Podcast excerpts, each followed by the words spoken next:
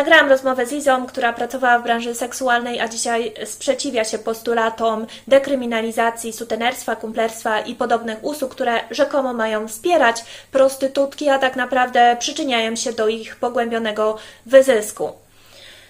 Iza prowadzi social media, które nazywają się po stronie kobiet. Udzieliła też kilku wywiadów e, w prasie internetowej. Przez środowiska określane jako sex work Iza nazywana jest swerwką, czyli radykalną feministką, która wyklucza osoby pracujące seksualnie. E, to jest nieprawda, dlatego że Iza, owszem, opowiada się za karaniem klientów, za tak zwanym modelem abolicjonistycznym, który będzie eliminował prostytucję właśnie w taki sposób, ale jednocześnie jest przeciwko stygmatyzacji osób, które świadczą te usługi, przeciwko stygmatyzacji kobiet, gdyż sama trafiając do tej branży jako bardzo młoda dziewczyna, e, została skonfrontowana po prostu z brakiem wyboru, z potrzebą finansową, wynikającą z ciężkiej choroby jej mamy.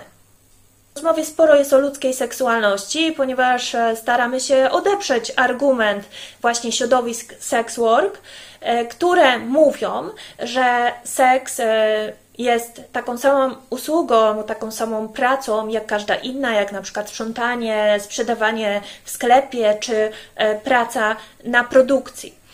Dalej krytykujemy też przemysł pornograficzny i w ogóle zastanawiamy się nad tym, na ile rewolucja seksualna, która miała miejsce w latach 60. ubiegłego wieku, przyczyniła się sprawie feministycznej, a na ile wspiera ona jednak patriarchat. Podejmujemy też kwestię tak zwanego terfizmu, czyli właśnie radykalnego feminizmu, e, wykluczającego rzekomo osoby transpłciowe, e, z którym e, Iza sama się identyfikuje, ale jest przede wszystkim identyfikowana przez swoich hejterów, e, wbrew którym nadal, jak twierdzi, nie jest w stanie znienawidzić osoby transpłciowych, a jest ich sojuszniczką, jednakże sprzeciwia się chociażby tak zwanemu inkluzywnemu językowi, typu właśnie kobieta to nie kobieta, ale osoba e, z macicą. E, twierdzi, że niektóre po prostu postulaty tych środowisk, jak również szeroko pojmowanego środowiska queerowego są po prostu szkodliwe. Analizujemy też na przykład aferę mm, z powiększeniem piersi przez raperkę Ją Leosie, którą skrytykował aktywista lewicowy Janek Śpiewak. E, I zastanawiamy się nad tym na zakończenie właśnie czym się różni krytyka indywidualnych decyzji od krytyki społecznej i systemowej. E, zapraszam na krótki przegląd tego, co Iza zamieszcza w sieci i e, co powiedziała w swoich wywiadach.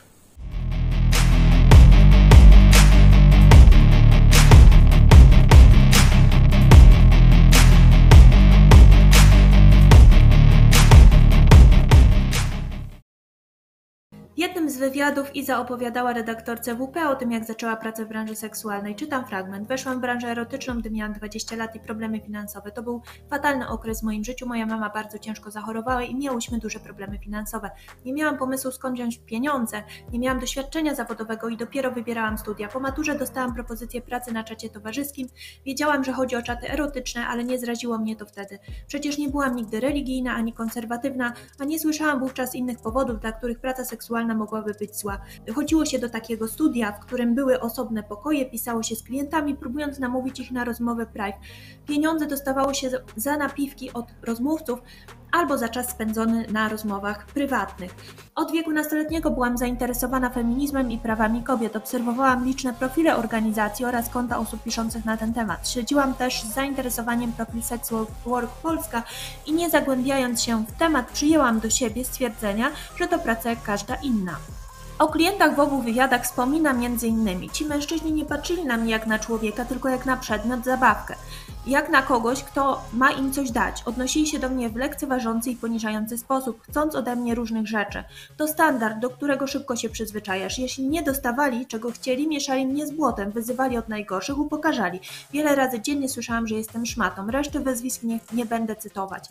Może nie brzmi to uczciwie, ale po prostu nie miałam co jeść, a ci mężczyźni chcieli mnie bić, dusić, strać mi do ust, zmuszać mnie do wymiotów i uważali, że 500 zł to adekwatna kwota za to. Brzydziłam się nimi. Przestałam tak zarabiać, gdy tylko udało mi się ustabilizować swoją sytuację, zdobyć dach nad głową i pieniądze na życie.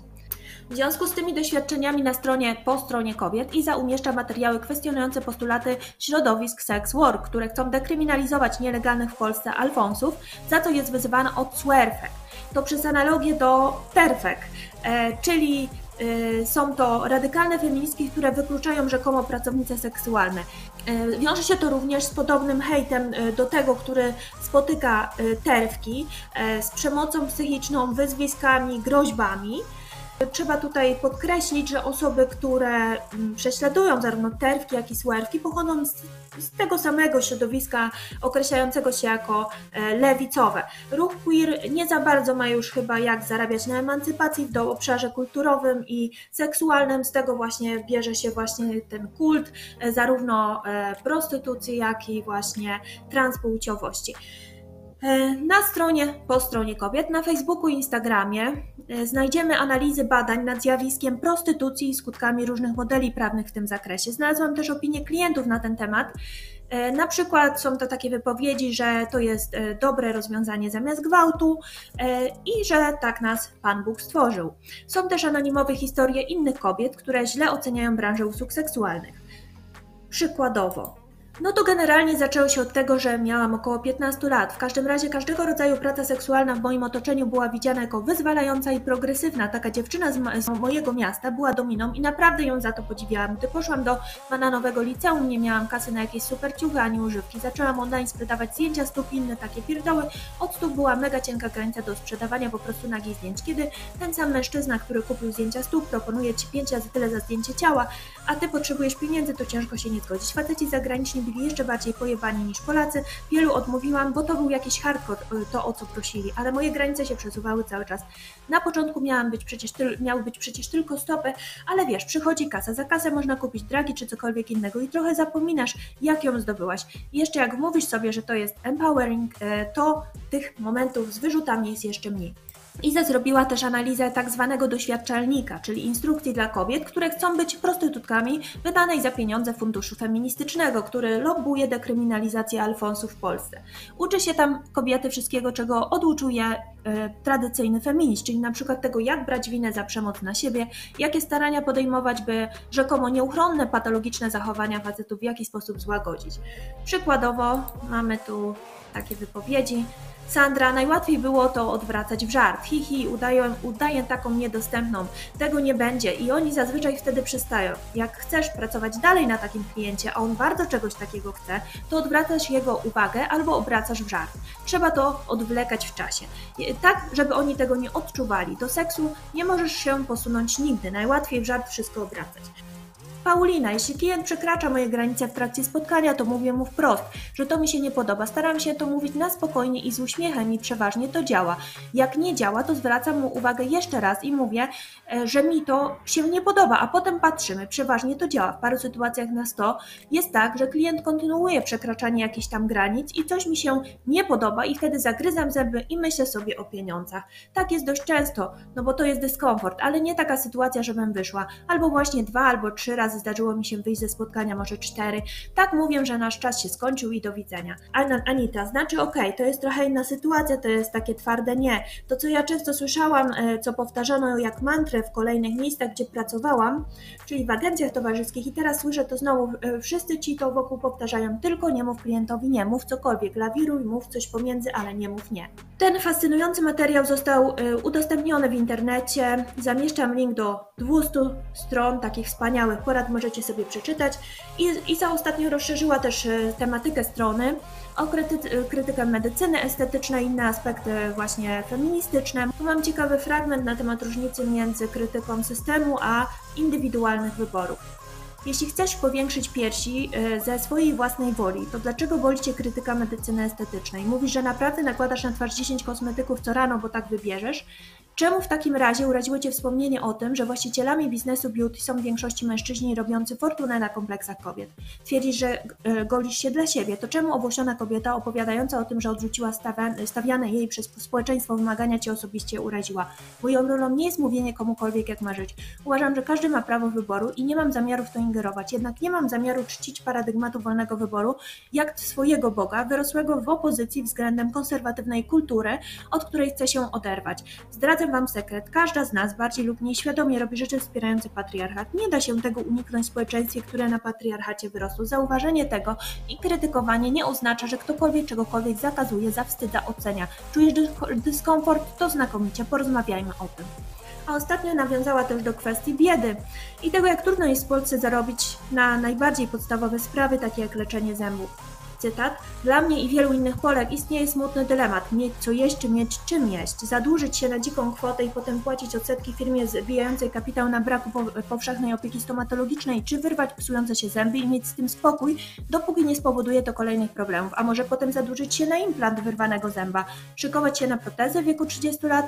Cóż, ja dalej pakuję walizkę i powtarzam sobie jak mantrę listę potrzebnych rzeczy. Dzisiaj dostając 11 euro na godzinę, może nawet spłacę dług, zanim naliczą mi od niego odsetki. Może prześpię się w drodze, a leki od dentystki złagodzą bóle miesiączkowe. Marzę o powrocie na studia dzienne. Mam nadzieję, że będzie to możliwe. Może nawet uda mi się zarobić na hulajnogę na dojazdy na uniwersytet, ale to dość odległe marzenia. Resztę na temat poglądów wizji dowiecie się z rozmowy, na którą zapraszam.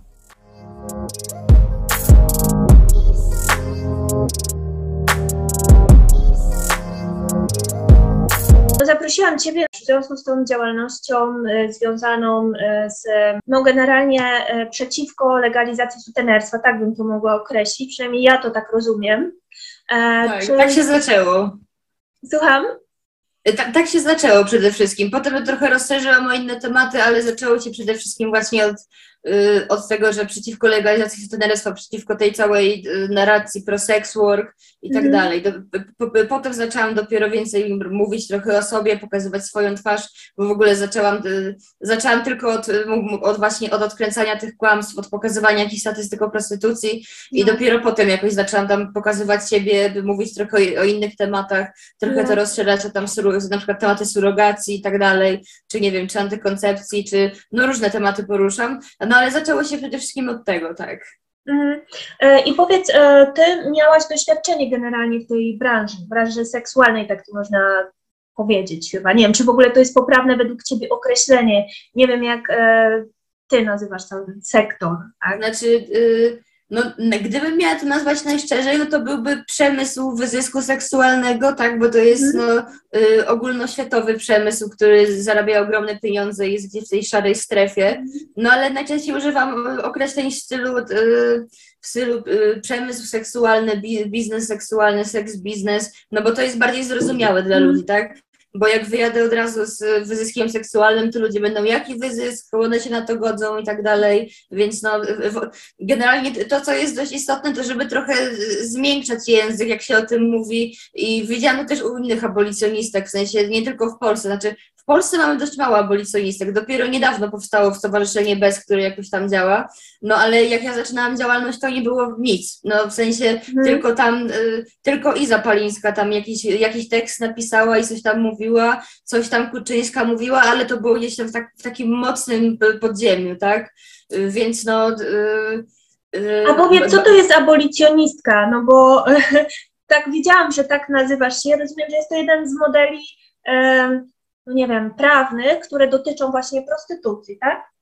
Yy, tak, w sensie e, abolic jako abolicjonistkę współcześnie rozumiem osobę, która po prostu jest przeciwna legalizacji prostytucji, która jest przeciwna de dekryminalizacji sutenerstwa, y, kuplerstwa, tak jak chcą na przykład takie organizacje jak Sektor Polska, no bo jest model legalizacji, tak, który działa na przykład w Holandii czy w Niemczech no. i y, też osoby z Sektor Polska zawsze podkreślają, podkreślają, że to nie jest ich cel, one nie chcą legalizacji, bo one chcą kompletnej dekryminalizacji i mówiąc dekryminalizacji, no, mają na myśli dekryminalizacji sutenerstwa, bo no bo w Polsce prostytucja nie jest karalna sama w sobie, tak? Mhm. Y, więc no, te osoby walczą o dekryminalizację sutenerstwa, a abolicjonistki to są osoby, które walczą o to, żeby bo teraz w Polsce mamy model abolicyjny, tak? Czyli, mm. że no, y, kara się osoby, które pomagają tam, y, po, pomagają, tak? No w sensie, które umożliwiają y, prostytucję i te pokrewne, czyli po prostu sutenerstwo, kuprestwo, czy zręczycielstwo,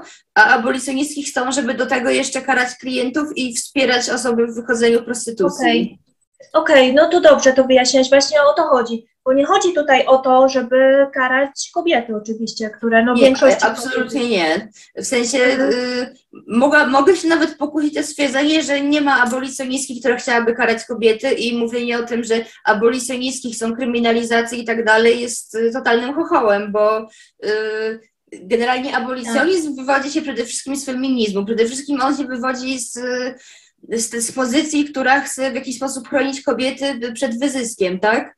Więc y, karanie kobiet jest absolutnie po prostu, y, no, y, ist- istnieje wiele badań, które po prostu pokazują, że karanie kobiet, że jakikolwiek model, który kara kobiety, nawet jeśli kara też alfonsów czy klientów, że jeśli w ogóle całkowicie kryminalizuje wszystkie takie akty, no to on i tak zawsze najbardziej uderza w kobiety, tak?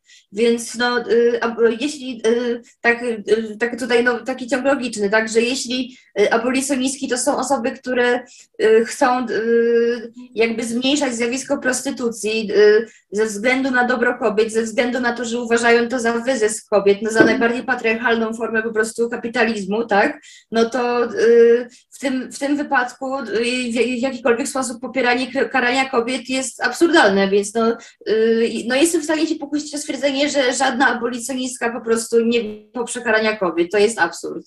To wam wmawia tak zwane środowisko sex work, tak? Między No innymi tak, no. funkcjonujące w Polsce od jakiegoś czasu.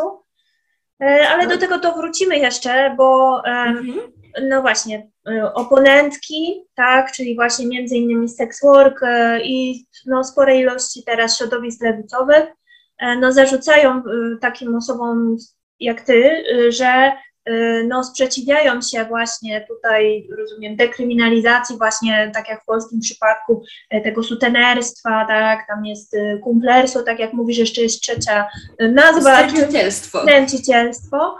Mm, No, że robicie to, ale nie macie doświadczenia, nie słuchacie y, osób, które y, pracowały w tej branży, no i po prostu, a one w większości by chciały właśnie, żeby dekry- dekryminalizować to ws- wsparcie, którego nie wiem, doświadczają rzekomo ze strony osób No prowadzących tak, takie ja, ja już słyszałam różne historie, na przykład, że y, to też właśnie tam ze strony, to kto bodajże chyba popłynęło w tym najsłynniejszym y, podcaście, który rozjaśnia wszystko o pracy seksualnej oczywiście, to znaczy ja go nie słucham, ja nie jestem w stanie tego przysłuchać, muszę przyznać szczerze, ja, odpali, ja w życiu odpaliłam 30 sekund i poczułam taki poziom zażenowania, że musiałam wyłączyć. Ja mam osoby, które słuchają to za mnie i po prostu zapisują mi, co tam było gadane i bardzo dziękuję tym osobom w ogóle, bo ja, ja bym tego nie wysłuchała, po prostu nie dałabym rady. Chodzi ale ci tam o, lecie- przepraszam, o to się nazywa chyba dwie dupy o dupie, tak? Y? Tak, ni niestety tak się jeszcze nazywa,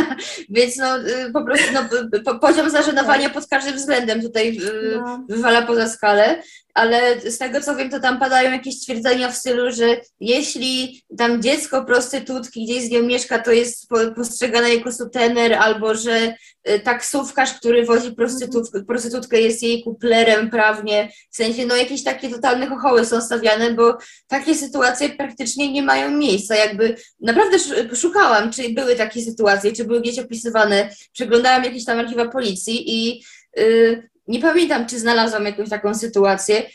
Może ktoś teraz znajdzie jakąś jedną sprzed 10 lat, że była, ale no to jest absurd, to się nie dzieje po prostu. No rozumiem. No ale dobra, no ale ty y, występujesz, bo też widziałam wydzie- wywiadów udzielałaś. Ty jesteś akurat również, y, pracowałaś w takiej branży, tak? Czyli, e, no, czyli to nie jest tak, że no, przeciwko temu, co właśnie sex work postuluje, czyli dekryminalizacji właśnie alfonsów, sutenerów i tak dalej, e, to występują tylko osoby, które w tym nie pracowały, bo ty jakby pracowałaś i mimo wszystko się sprzeciwiasz. I właśnie mniej więcej chciałam em, no, tutaj, żebyś powiedziała o, na ten temat, jak w ogóle wygląda no to twoje doświadczenie, oczywiście w takiej skali jak chcesz, ponieważ domyślam się, że to nie jest e, łatwa, e, Znaczy, to łatwa jest o rzecz. ciekawe, bo y, na przykład udzielałam wywiadu też z dwoma byłymi prostytutkami y, z Impuls Press, y, to prowadziła y, Oliwia Trybus akurat ten wywiad z nami i z tego co wiem, to no jedna dziewczyna się ujawniła, to jest Gabe Wilczyńska i ona de definitywnie nie była pro sex work i miała takie, mm. no i dość, ona ma dość radykalno-feministyczne spojrzenie, nie? No.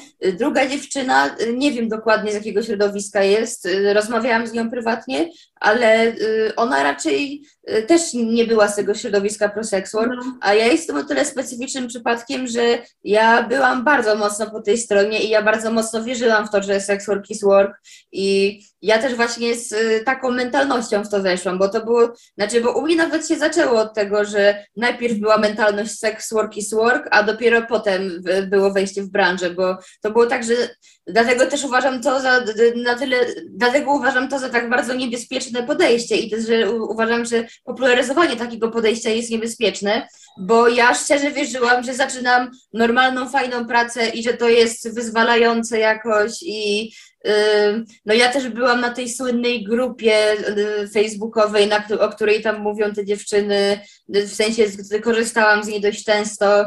Y, jakby no byłam w tym środowisku, w, w, w takim zamkniętym, y, bardzo mocno w to wszystko wierzyłam i no i w momencie, w którym pojawiły, się, pojawiły mi się duże problemy finansowe, bo Y, to był taki okres, że y, Boże, to, to, to, był dość ciężki mm. okres, bo y, ciężko zachorował mój kot, moja matka dostała raka i ten, a ja, ja żyłam na utrzymaniu mojej matki do jej śmierci w zasadzie. My mieszkałyśmy razem zawsze. Ja wtedy to w jakim wieku na... jesteś teraz, ale wtedy w jakim wieku byłaś? Jak... Ja mam 22 lata, a wtedy miałam 19, 20, więc to było całkiem niedawno, a byłam jeszcze w takim wieku, że, no, że tam no, na utrzymaniu matki, studia i tak dalej. Że to, to nie jest dziwne. No. no, że w miarę normalne, że po prostu no. żyłam sobie z matką, nie?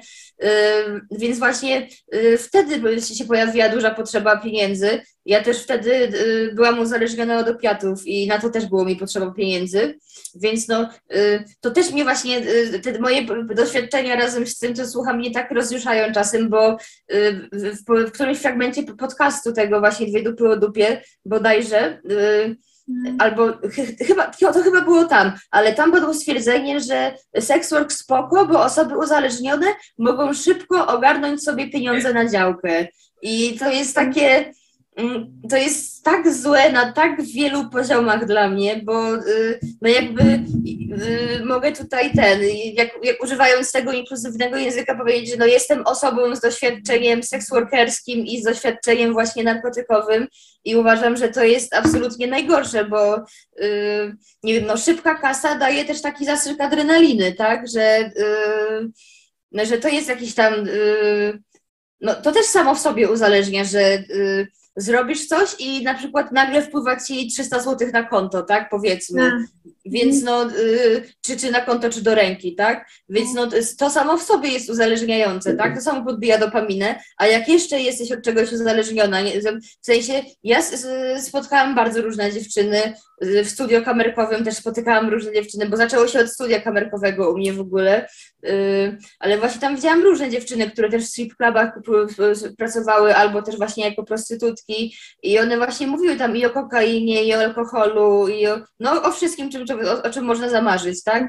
Że jakby mam wrażenie, że to jest tak, że y, to działa z dwie strony, że osoby uzależnione ciągnie do prostytucji i w ogóle do, do seks biznesu, bo chcą mieć szybką kasę na to, czego potrzebują, tak? No bo to jest tak, że no jeśli jesteś uzależniony od narkotyków, załóżmy, i potrzebujesz kasy na działkę, to potrzebujesz, potrzebujesz szybko dużej stawki pieniędzy, tak? No to y, mhm. sex work jest idealny, no bo to ci daje to od razu, y, ale to też czasem działa w drugą stronę, czyli osoba, która wcześniej na przykład nie brała, no y, nagle na przykład zostaje zachęcona przez klienta, przez koleżankę czy cokolwiek, tak? Zaczyna brać i potem szybkie zastrzyki gotówki sprawiają, że zaczyna brać więcej, więc no to się łączy dwustronnie i yy, ja wiem, że y, no, ludzie próbują temu różnie zaprzeczać, różnie to tłumaczyć, że to jest na pewno przez, to jest przez wykluczenie społeczne, na pewno, wykluczenie społeczne na pewno odgrywa jakąś rolę w ogóle w tym temacie. To ja nie, to, to nigdy tego nie negowałam, tylko y, nigdy nie powiem tego, że wykluczenie społeczne to jest największy problem, jaki tam istnieje, tak?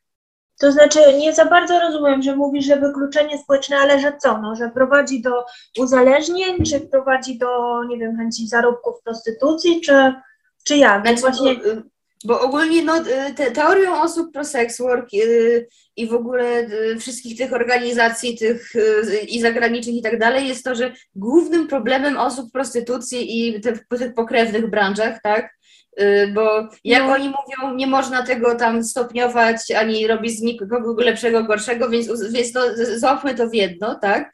No więc y, no, y, największym problemem osób, które pracują w seks branży jest stygmatyzacja i to przez te stygmatyzacje są wszystkie te złe rzeczy, że to przez stygmatyzację są uzależnienia, przez stygmatyzację jest to PTSD, które jak się okazuje występuje u, u prostytutek częściej niż u weteranów wojennych nawet według badań, y, że to przez te stygmatyzacje dzieje się wszystko co najgorsze, tak? Y, a y, reszta gdzieś odchodzi na bok. I jakby ta stygmatyzacja na pewno ma jakiś wpływ. W sensie nie uważam, że nie jest tak, że te osoby nie są stygmatyzowane, bo ja wiem, że to jest stygmatyzowane. Ja też się wstydziłam przyznać na przykład, co robię. Nie przyznałabym się rodzinie, tak? Y, na pewno niektóry, tylko niektórym znajomym się przyznawałam. To, to na pewno jest jakiś tam aspekt, ale nie jest on aż tak ważny na pewno. Znaczy, Kurczę, bo to jest tak, że to jest bardzo ciekawy aspekt y, w ogóle całego tego tematu i uważam, że on naprawdę zasługuje na uwagę, ale przez to, jak bardzo jest po prostu, jak bardzo jest przedstawiany jako jedyne najgorsze źródło po prostu wszelkich problemów osób prostytucji, to aż po prostu mi niedobrze, jak o nim myślę i, i y, aż mi źle wtedy. Znaczy tak, to no też miałam do tego nawiązać e, e, później, bo e, no tak, no jest, y, dostrzegam jakby nawet, znaczy miałam takie myślenie, jak się zaczęła ta cała sprawa, mówienie o tych y, swerfach właśnie, czyli antysex work, wykluczających seks workerki, czyli o tobie między innymi, bo tak was nazywają, tak? Mm, przez też analogicznie jak terfy, tutaj swerfy, no nieważne, w każdym razie. Ja jestem tefem, swerfem, ja już to przyjmuję okay. na klatę z, z, dumą po prostu. To, to, to, to zaczyna ja być częścią mojej y, tożsamości, więc... Okej, okay. no właśnie ja też nie widzę tutaj żadnego problemu. No w każdym razie zaczęłam e, się rozglądać tutaj po lokalnej okolicy, właśnie tutaj miałam takie małe medium lokalne, tam sobie robiłam i chciałam osoby do wywiadu właśnie, e, ale tutaj z e, Nowego Sącza mniej więcej albo okolic. E, no i e, jak zaczęłam szukać po ludziach, czy kogoś nie znają, to pracuje w tym i tak dalej, no to się spotkałam ze strony kobiet nawet, no faktycznie z taką no, pogardą, tak, czyli no i no z ostracyzmem po prostu, to znaczy e, moje znajome, których w sumie nawet bym się tak nie spodziewała, mm, że tak jednowymiarowo, no jednak podejdą do tego, no jednak z taką mówiły, no na zasadzie takiej, że E, to, te kobiety, które świadczą takie usługi, nie są ofiarami właśnie, tylko są, e, no jakby to one same zdecydowały, e, właściwie Ale robią to, to bo to jest łatwa kasa właśnie, bo to jest takie łatwe, no i takie, no więc było to takie podejście właśnie tak, takie no, stygmatyzujące, no i właśnie najczęściej tak ja sobie wtedy pomyślałam, no skoro to jest takie łatwe, no to czemu same tego, no to skoro to jest takie, taka, taki prosta praca, to czemu wszyscy się do tego nie garną na przykład, nie? Czemu Więc... mężczyźni się do tego nie garną na przykład, bo to mnie Dokładnie. zawsze zastanawia, bo na przykład też y, ostatnio ten, y, bo y, to jest tak, że ludzie często mi podsyłają różne rzeczy, różne te materiały, których ja sama nawet za bardzo nie tykałam i ostatnio właśnie ktoś mi podesłał fragmenty tego Save Us From Saviors, Oli Kluczyk, Kulczyk, nie, nie, nie chyba Kluczyk, ale y, podesłał mi tego e-booka i właśnie y, jeśli chodzi o y, tamte, tamto podejście opisywane tamto, ono jest takie, że, y, że no y, że to my jesteśmy same sobie y, władczyniami, a swerfy nas przedstawiają jako ofiary tylko i wyłącznie. I jeszcze jest ten piękny opis, ten cudowny opis, wyjaśnienie świata ze strony Kitty Tees na temat modeli prawnych. I co jest śmieszne, to w ogóle mm, ten opis prawie się nie różni opisem, który ja wstawiłam y, na mhm. Facebooka, mm. czy tam, nie, na Instagrama, i a dwie dupy o dupie skomentowały, że trzeba być debilem, żeby wierzyć w takie bzdury, ale okej, okay. to tak swoją drogą, yy, ale yy, tam było tylko dodane, że model nordycki traktuje wszystkie kobiety jak ofiary i też jakby się skupiła na tym traktowaniu kobiet jak mm. ofiary, bo ja na przykład, ja długo siedziałam w tym mindsetie, że sex work is work, że to jest empowering i tak dalej, tak? To, to, to ja Ci tylko przerwę, chciałabym, żebyś może powiedziała w takim układzie, bo też trochę zboczyłam, że owszem, dostrzegam kwestię stygmatyzacji, ale y, chciałam też y, no, zapytać, y, dlaczego Twoim zdaniem właśnie skoro to nie stygmatyzacja jest głównym problemem, no to co jest tym problemem, tak? Co jest głównym problemem i co ty tam widziałaś takiego właśnie, co wiesz? E, no, to krzywdzi po prostu w kobiety. Tak? No przede wszystkim no, mężczyźni, tak? Bo y, zatrzymałam się na tych ułatwiających, bo kiedyś właśnie przegrzebałam po prostu, siedziałam chyba 10 godzin grzebiąc w źródłach właśnie na temat analiz y, tego, jak działa prostytucja w Holandii i w Niemczech, gdzie jest właśnie ten model tak zwanej legalizacji, tak? Że tam są te legalne burdele i w ogóle.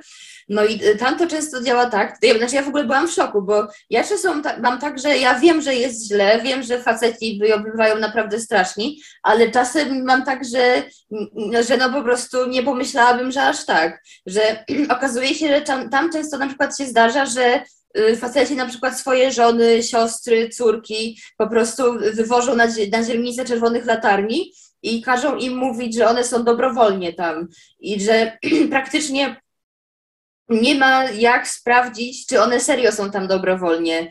I no generalnie ci faceci są problemem, tak? Y, problemem są faceci prowadzący, prowadzący y, burdele w taki sposób, że mieszają pół na pół osoby, które są ofiarami handlu ludźmi z tymi dobrowolnymi, tak? Które akurat się tam zgłosiły przez to, że nie mają pieniędzy.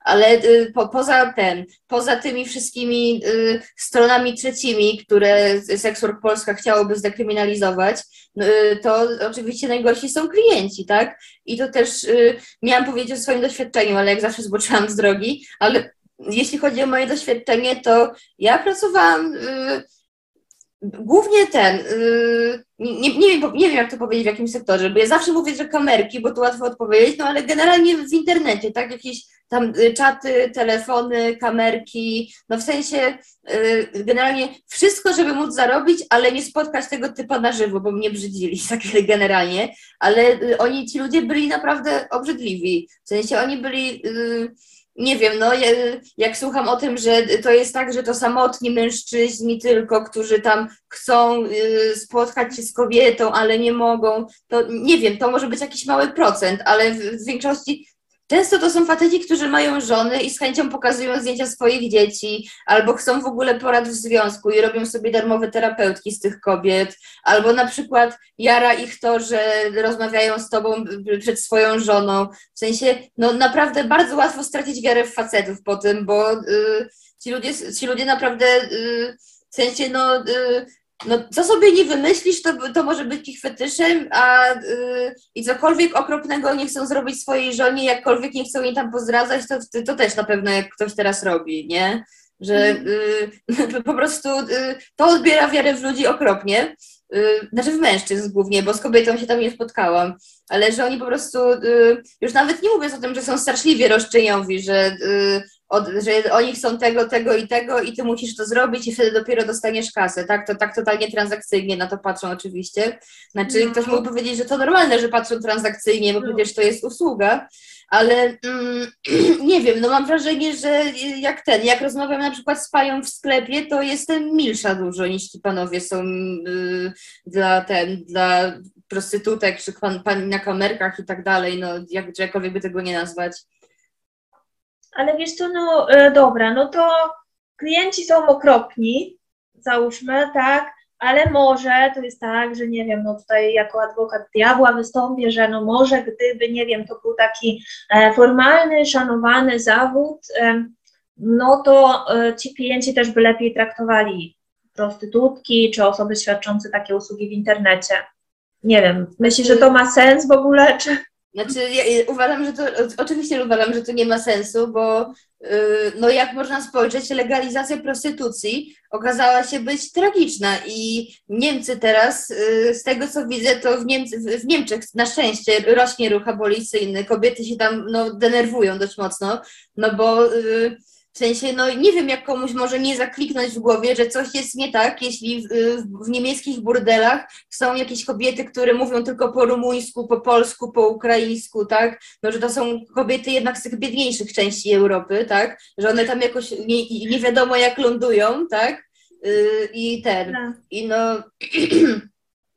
I nie wiem, i też, że duży odsetek mężczyzn tam jednak korzysta z tych usług, skoro to jest legalne, i to wcale nie pokazuje, że oni bardziej je szanują, to wręcz pokazuje, że oni coraz mniej je szanują, coraz bardziej traktują kobiety jak towar ogólnie. Y, y, w sensie nawet nie tylko kobiety w prostytucji, ale ogólnie mniej szanują kobiety. Y, ogólnie po prostu, no, ogólnie sytuacja się pogarsza i, i nie wiem, no.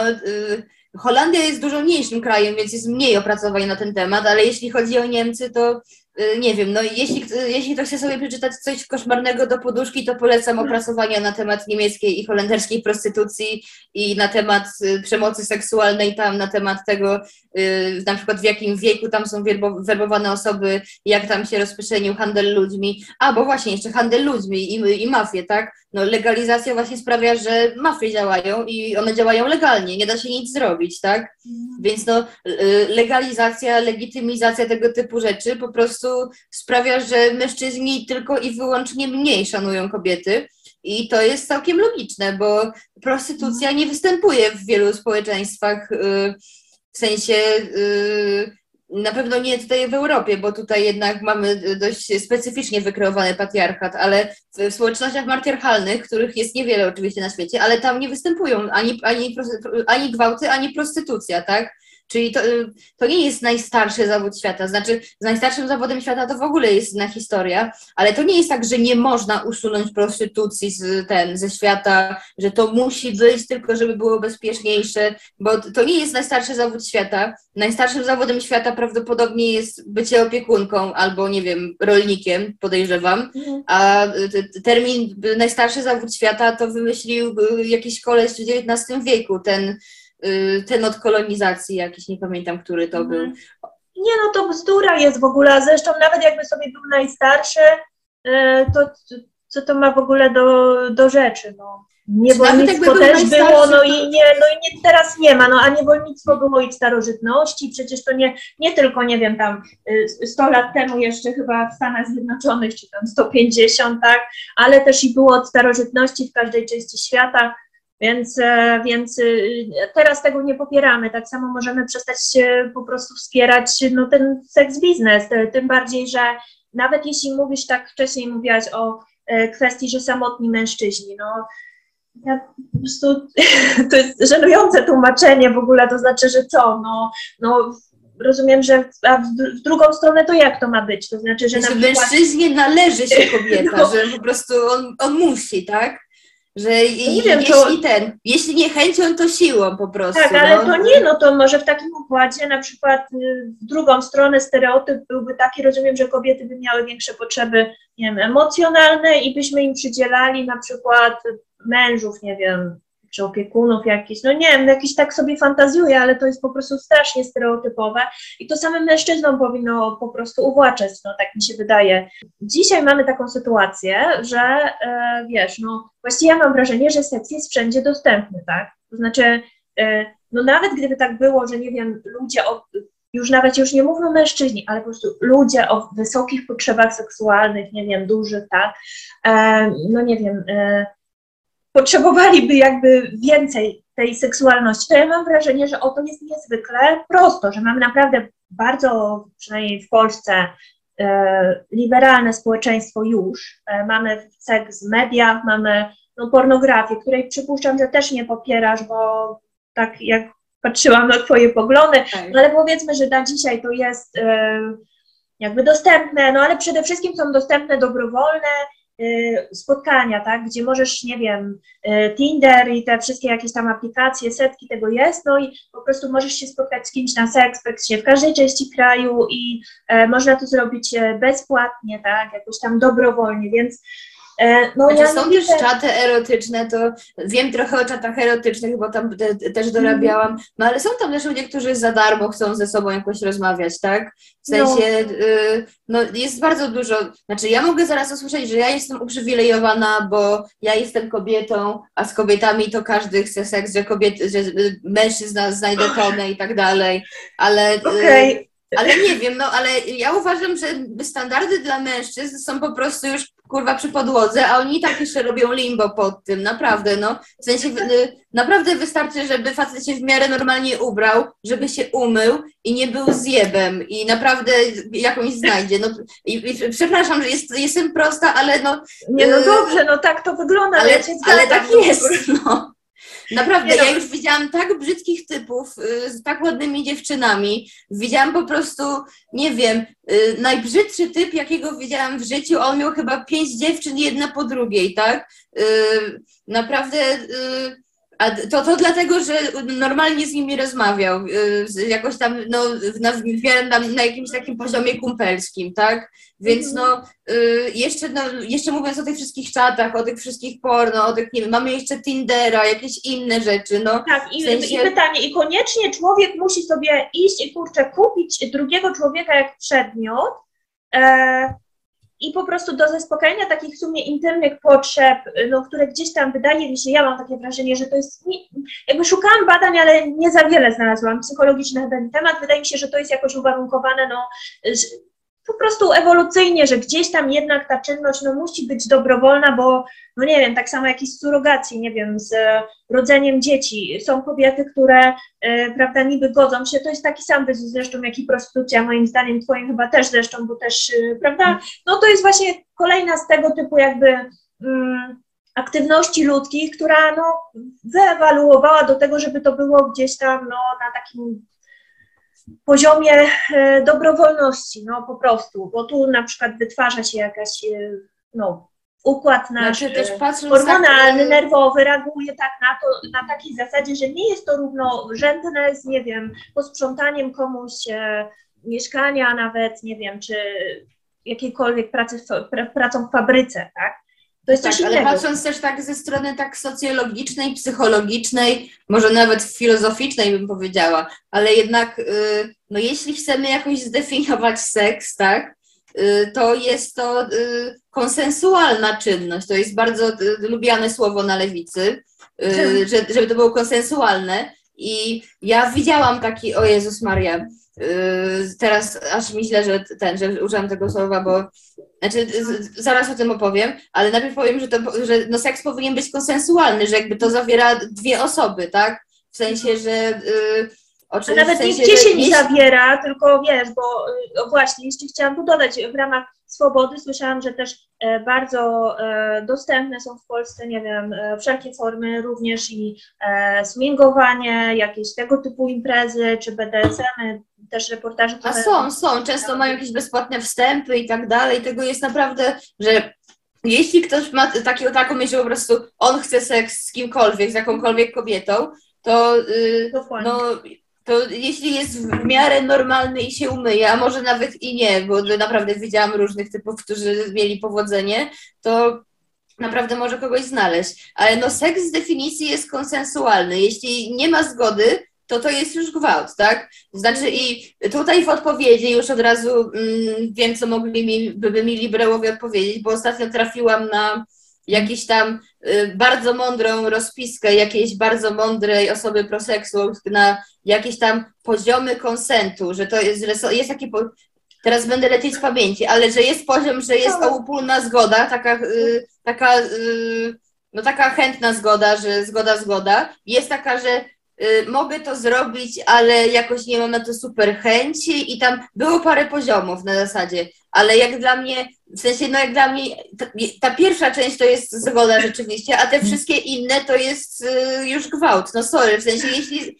godzisz się na coś, bo y, ten, bo nie mam na to chęci, ale no dobra, no to to nie jest już zgoda, jakby to był chyba jeden z gorszych fikołków, jaki widziałam i to, to, to było w ogóle tam chwalone pod niebiosa, że o, ale pięknie wyjaśnione, to rzeczywiście tak jest w seksuorku i no w sumie tak jest, tak, że no, że osoba, która nie ma na coś ochoty się godzi z jakiegoś powodu, tak, ale mm, no, wymuszona zgoda to nie zgoda. Ale no, mogę tutaj, tutaj mówić, że to nie jest wymuszenie, bo ty się sam zgadzasz za te pieniądze, tak? Ale no, ja uważam jednak, że przymus ekonomiczny jest, jest realny. Mi to przypomina po prostu coś w rodzaju jakiejś terapii konwersyjnej, że będziemy cię tak dociskać kawałek po kawałku, aż ty po prostu, nie wiem, pomyśli, że czarne jest białe i odwrotnie, po prostu um, no, to, to się w głowie nie mieści. Wydaje mi się, że oczywiście można takie rzeczy ludziom wmawiać, no ale tylko jeśli uznamy, że nie ma żadnej różnicy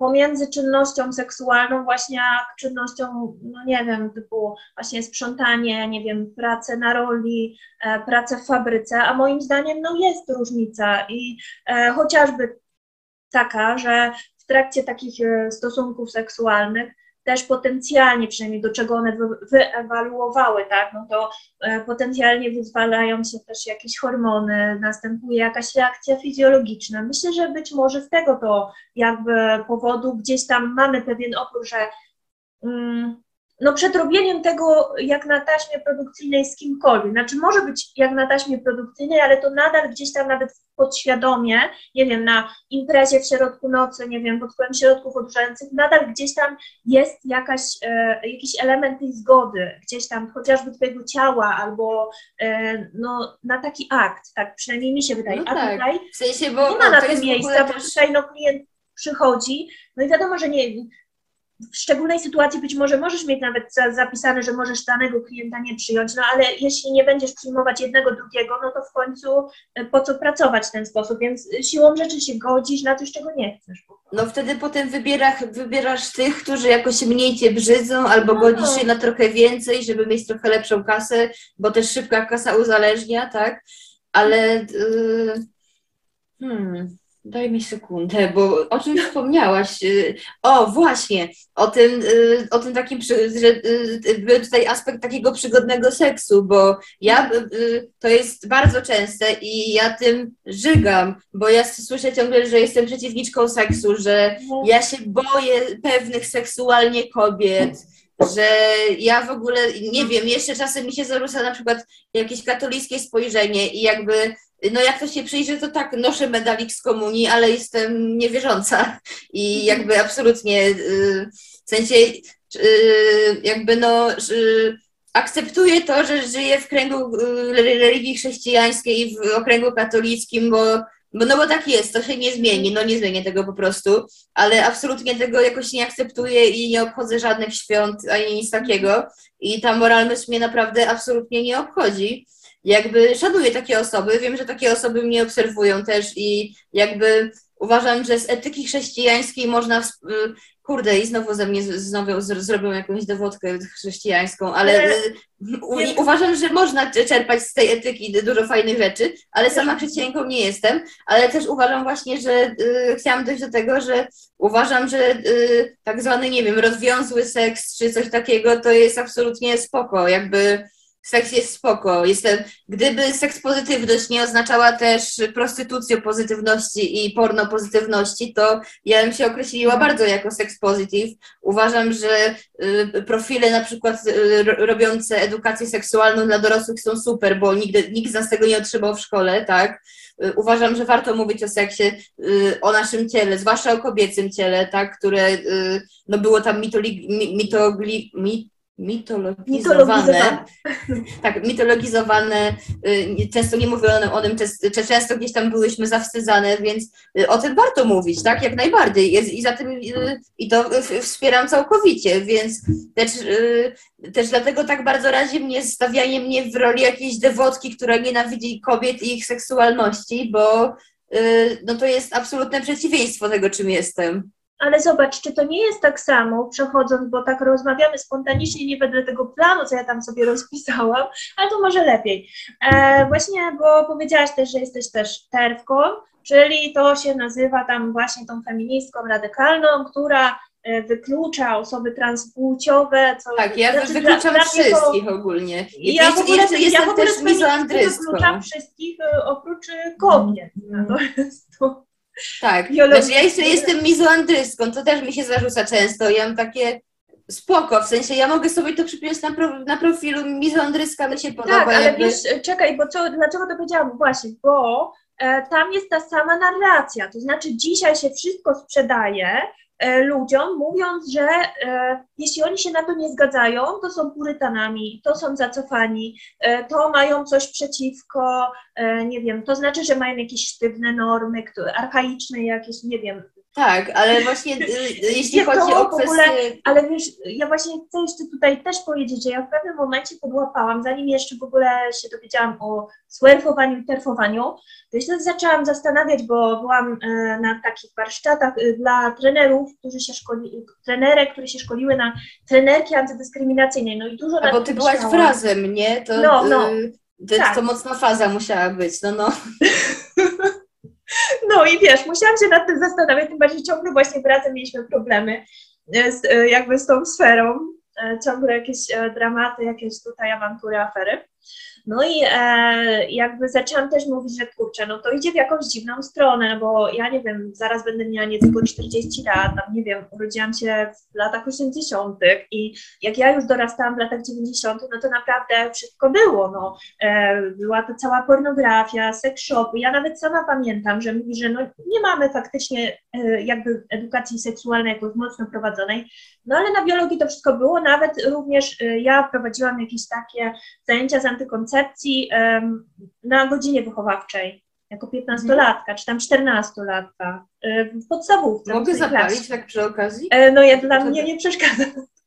Więc, Spoko.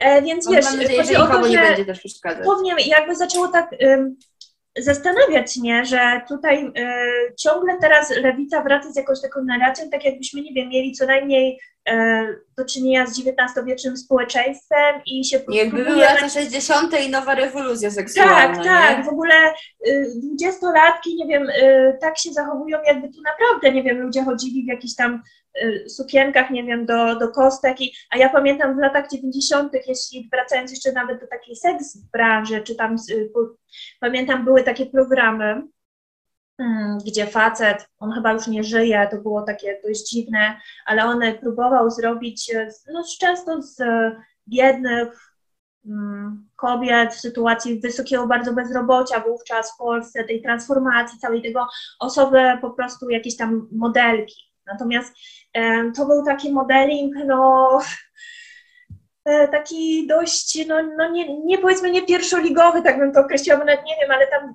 nie wiem czy tam, już dobrze tego nie pamiętam, no w każdym razie, czy one wchodziły dalej później w, w jakieś usługi seksualne, czy nie wchodziły, no w każdym razie to była dość taka znana sprawa w całej Polsce. Pamiętam, że były reportaże kręcone też o dyskotekach, gdzieś tam ta, też ta seksualność wiejskiej właśnie, seksualność kwitła, no nie miałam poczucia, że żyję w społeczeństwie po prostu e, Okej, katolickim tak, ale no nie y, społeczeństwie, gdzie po prostu seks jest tabu na przykład, tak? Znaczy te media, te media w ogóle zachodnie, one są strasznie przeseksualizowane i to aż do oporu. W sensie my w ogóle żyjemy w jakimś ogromnym eksperymencie społecznym, który daje po prostu dzieciom dostęp do każdej hardej pornografii, jakiej tylko chce. W sensie wystarczy, że kliknie i wpisze cokolwiek i będzie miał jakikolwiek układ. Po prostu y, kobietę z mężczyzną albo dwóch mężczyzn z jeszcze jednym mężczyzną, mężczyznę z kobietą, którzy robią to, tamto, po prostu no ma dostęp do wszystkiego, dosłownie do każdego fetyszu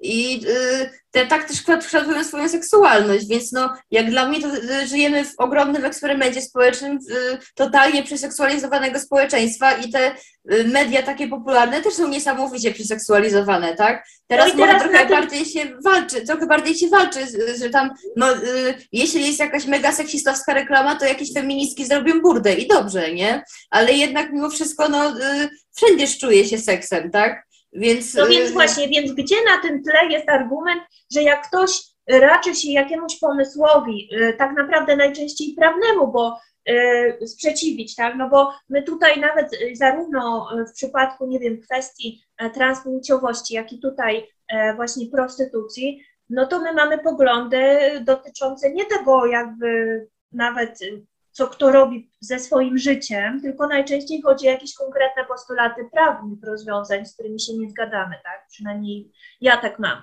E, Więc gdzie to ma coś do e, jakiejś, nie wiem,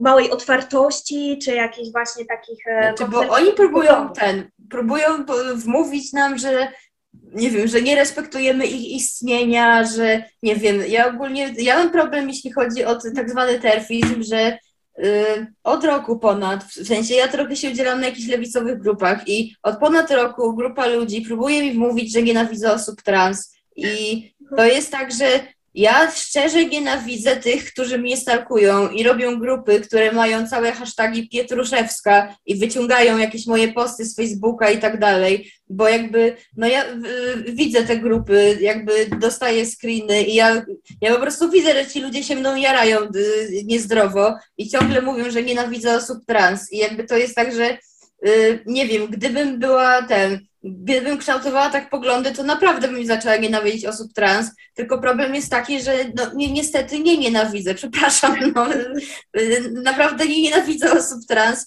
i naprawdę mam, myślę, że mam dość progresywne poglądy w, tym, w tej kwestii, w sensie ja jest, je, uważam, że te procedury zmiany płci, w sensie czy tam ustalenia płci, bo już nie mówi zmiana płci, one powinny być łatwiejsze i uważam, że nie powinno się pozywać swoich rodziców absolutnie. Uważam, że te procedury powinny być łatwiejsze. Jestem za tym, żeby każda osoba, która pod- podej- podejrzewa siebie transpłciowość, miała dostęp do dobrego psychologa, przeszła jakąś terapię, w sensie, żeby ją, ją tam rozpoznali, tak, żeby dostała trafną diagnozę, y, żeby też te jakieś ewentualne operacje i tak dalej, żeby one były finansowane z NFZ-u żeby te osoby absolutnie nie były dyskryminowane. Mam wśród znajomych osób trans, osoby trans. y, y, Wiem, że to jest chyba trochę karta kolegi, kolegi geja, ale no jakby znam takie osoby, wiem co przechodzą i nie wiem, no na przykład mnie w tej sprawie y, dziwiło to, że y, ja słyszałam milion razy, że nienawidzę osób trans, bo broniłam Uli Kucz- Kuczyńskiej, albo że na przykład, y, że broniłam Kali, Kai Szulczewskiej, jak ją obrażali seksistowsko, tak? Yy, że to, jest, to był też mój dowód na terfizm, tak? Yy, ale na przykład dopiero sama z siebie się dowiedziałam, że w Polsce transmężczyźni tracą prawo do opieki ginekologicznej po tranzycji na NFZ. I uważam to za absurd i uważam to za dyskryminację prawną i o, Tak. oczywiście jestem za tym, żeby to zmienić, więc yy, nie wiem, no yy, patrząc też w ogóle na stan świadomości naszego społeczeństwa, jeśli chodzi o osoby LGBT, no, myślę, że to jest taki dość, y, dość progresywny stens, dość doinformowany, w sensie, bo większość ludzi w ogóle nie wie o, o istnieniu takich osób i ich problemach. I więc no jakby nie, nigdy w życiu bym nie odrzuciła kogoś za to, że jest trans, nie, nie obrażałabym go tylko za to, ani nic takiego. Yy, nie wiem, nie, no nie nienawidzę tych ludzi, yy, jak najbardziej jestem za ich, ich jakimiś prawami, tylko no na przykład nie uważam za prawa osób trans tego, że trzeba mówić osoby z macicami. I wiem, że to jest ogromna dyskusja, ale no ja uważam, że określenie osoby z macicami jest po prostu głupie i po prostu mi się nie podoba. I co, co najlepsze, uważam też, że to nie ma nic wspólnego z osobami trans i ich prawami, bo też niektóre osoby trans same nie lubią tego, tych określeń, w sensie, no, y, to to jest indywidualne, bo y, y, jakby tak robiłam takie rozeznanie, wiem, że to jest anegdotyczne, ale no, robiłam rozeznanie i jakby wiem, że na przykład dla niektórych to było takie, że czują się bardziej, y, no, jakoś tam bardziej przyjęci do tej, do tej grupy osób potrzebującej ab- aborcji, ale słyszałam też na przykład trans chłopaka, który mówił, że je, jemu to uwłacza, bo on nie chce być nazywany, y, jakby nie chce być nazywany y, przez wzgląd na narząd, którego on nie akceptuje, tak? Którego No on nie chce, bo jest Wiesz o trans, co tu tak? chodzi? To jest zderzenie y, dwóch w ogóle wykluczających się koncepcji, tak naprawdę. E, bo to jest zderzenie queeru, który tak naprawdę bawi się płciowością i miał być takim czymś, co się fajnie nawet w sztuce mogło sprawdzać. No zresztą ta sztuka queerowa, no, dopóki jakieś tam stereotypy istnieją, czy w ogóle nawet w formie jakiejś zabawy jest e, moim zdaniem spoko. E, Natomiast no, co to ma wspólnego z problemem osób e, transpłciowych? No, te problemy, czy nawet mówić może lepiej właśnie transseksualnych, żeby nie mylić tego genderu i seksu, bo, bo to właśnie z tego się biorą jakby Znaczy, nieporozumienia. To mam taki problem z językiem polskim tutaj, No. że u nas nie rozróżnia się seks i gender w ten sam sposób, bo y, po angielsku bym mówiła transsexual, niemniej jednak y, w polskim trans, transseksualny sugeruje, że to jest orientacja seksualna i tego chcę Mhm. uniknąć, bo i tutaj mam problem, bo jednak uważam, że no, transpłciowość byłaby najlepszą, najlepszym określeniem, yy, właśnie przez to, że no, u nas nie rozróżnia się seks i gender po prostu w języku. No, a też tak na to nie patrzyłam. E, to znaczy, ja e, miałam takie wrażenie, że najpierw było transseksualne u nas rozpowszechnione. Mhm. Nie wiedziałam, że to się może kojarzyć z orientacją, ale teraz widzę, że faktycznie ludzie nie, nie rozróżniają tego, bo zbitek LGBT spowodował, że e, ludzie w ogóle chyba nie wiedzą, o czym mówią. E, to znaczy, tak mam wrażenie, że nie wiedzą, czym to się różni w ogóle. Ale no, no nieważne. W każdym razie, e, dlaczego tak pomyślałam? Dlatego, że e, no gender, no to jest jednak właśnie bardziej coś queerowego, czyli rola e, społeczna i ten właśnie ta płeć społeczna jako stereotyp. Yy, A tak. e, osoby transpłciowe, właśnie transseksualne, to cechuje przede wszystkim te, które chcą mieć jakąś korektę, czy to już całkowicie formalną, czy też chirurgiczną, e, jakąś e, próbę dopasowania tego ciała, no to cechuje przede wszystkim dysforia płciowa, czyli dyskomfort związany jednak z ciałem fizycznym przede wszystkim. Znaczy, to jest też podobno problematyczne, bo y, no już widziałam na ten, na Twitterach y, osób aktywistycznych, że tak to ujmę, że na przykład, że pojmowanie y, osoby trans jako osoby, która urodziła się jednej płci, a żyje jako ta przeciwna, jest transfobiczne, bo trzeba myśleć, sensie, że trzeba sobie wbić do głowy, że ta osoba jest już y, na pewno tej No, a ja płci, sobie- której jest. I jakby y, moim zdaniem to jest trochę, y, nie wiem, tro, bez sensu, trochę takie, nie wiem, kontrproduktywne, bo jakby, no bo transseksualizm, trans, transpłciowość y, opiera się na tym, no w sensie, no to naprawdę polega na tym, że no, ro- rodzisz się jednej płci i potem no przechodzisz korektę na przeciwną, Okej, tak? ale- Więc postrzeganie te, te rzeczywistości taką, jaka jest, nie uważam, żeby było transfobiczne, tak? To, I to nie jest mój wyraz nienawiści do tych osób. Ja naprawdę, nie wiem, no, y, y, ja naprawdę ich jestem akceptująca. Znam osoby, jak już mówiłam, znam osoby trans, zawsze będę je traktować jak y, ten, jak, jak, osoby, jak osoby płci, której y, się uznają, którą się podają, do, do, której, do której korektę przeszły. Ale jakby, no są trans, bo urodziły się płci przeciwnej, no jakby, no to No jest... tak, bo gdyby się fakt. urodziły tej, którą się czują, nie byłyby osobami trans. Jest to e, Znaczy, logiczne. Dokładnie, w sensie, jak dla mnie Jaki byłby jakieś... sens w ogóle o nich mówić i je gdziekolwiek wyróżniać, e, skoro nie byłoby żadnej różnicy. A nie wiem, czy ty czytałaś, Stock, e, tą e, Material Girls, tak? Coś takiego, taka Y, książka. Nie czytałam, bo to jest cała bo ona książka tam, chyba, nie? Właśnie, bo ona tam mówi o tym, o czym ty teraz powiedziałaś, co zaobserwowałaś u aktywistów chyba, tak mi się wydaje, że to można dopasować do takiej wizji e, tożsamości płciowej, która e, jakby no wierzy w coś w rodzaju płciowej duszy. Tak, tak, to... y, No więc, y, y, Nie zobacz, widziałam całej książki, widziałam fragmenty tego, co pisała Kathleen Stock akurat. No to o, chyba mogę ci pożyczyć to, tego O, e-booka. bardzo chętnie. ale e, wiesz co, e, chodzi mi o to, że e, tutaj bardzo mocno to przypomina e, wiarę e, w sensie takim, e, no takim religijnym nawet dla mnie, tak? Znaczy, ja ty w masz ogóle sobie tak, tutaj... wiesz, zaprzeczać, e, nie ufać zmysłom, tylko ufać, no nie wiem. Znaczy, dla mnie to jest w ogóle też bardzo logiczne, bo i też dlatego też uważam, że to jest dość logiczne, że to złapało polską lewicę, bo to się zaczęło, nie wiem czy w Wielkiej Brytanii, czy w Stanach, przepraszam, nie odróżniam tego często, ale tam generalnie się zaczął ten cały ten ruch y, queerowy, wszystkie te terfy, nie terfy, y, tam też zaczęło się to sexual is work. I ja uważam, że y, te dwie sprawy, one są w zasadzie y, w ten sam sposób, można je tutaj streścić, że y, jakby osoby, które, y, ten, które tam weszły, bardzo często pochodzą z, środowisk bardzo konserwatywnych i bardzo chcą z nich odejść. I, za, y, I to jest tak, że y, z jednej skrajności chcą, od razu wchodzą w drugą skrajność, tak? Czyli to jest tak, że na przykład, że y, z jednej strony kobiece ciało jest grzeszne, kobiece ciało jest złe, mm, seks pozamałżeński jest zły i tak dalej, to, to w drugą stronę musimy iść i musimy mówić, że prostytucja jest super w takim razie i prostytucja jest dobra. I tak samo właśnie też z tą płcią mi się wydaje, że y, skoro ten, skoro, bo y, nie wiem, no w Anglii to chyba y, ten, w Anglii bodajże anglikanizm, w Stanach luteranizm głównie, no ale różne odłamy chrześcijaństwa raczej są najbardziej popularne, tak? A chrześcijaństwo raczej ma dużo wspólnych sekcjach wszędzie, tak? I jest tak, że no właśnie i tak samo jest z tym seksworkiem, że z jednej skrajności w drugą, że, nie mo- że kobieta jest grzeszna, a to w takim razie my musimy całkiem w drugą stronę to obrócić, wszystko odrzucić i mówić, że to wszystko jest, wszystko co oni mówili, że jest złe, jest super. I tak samo jest z tymi podziałami płciowymi, tak?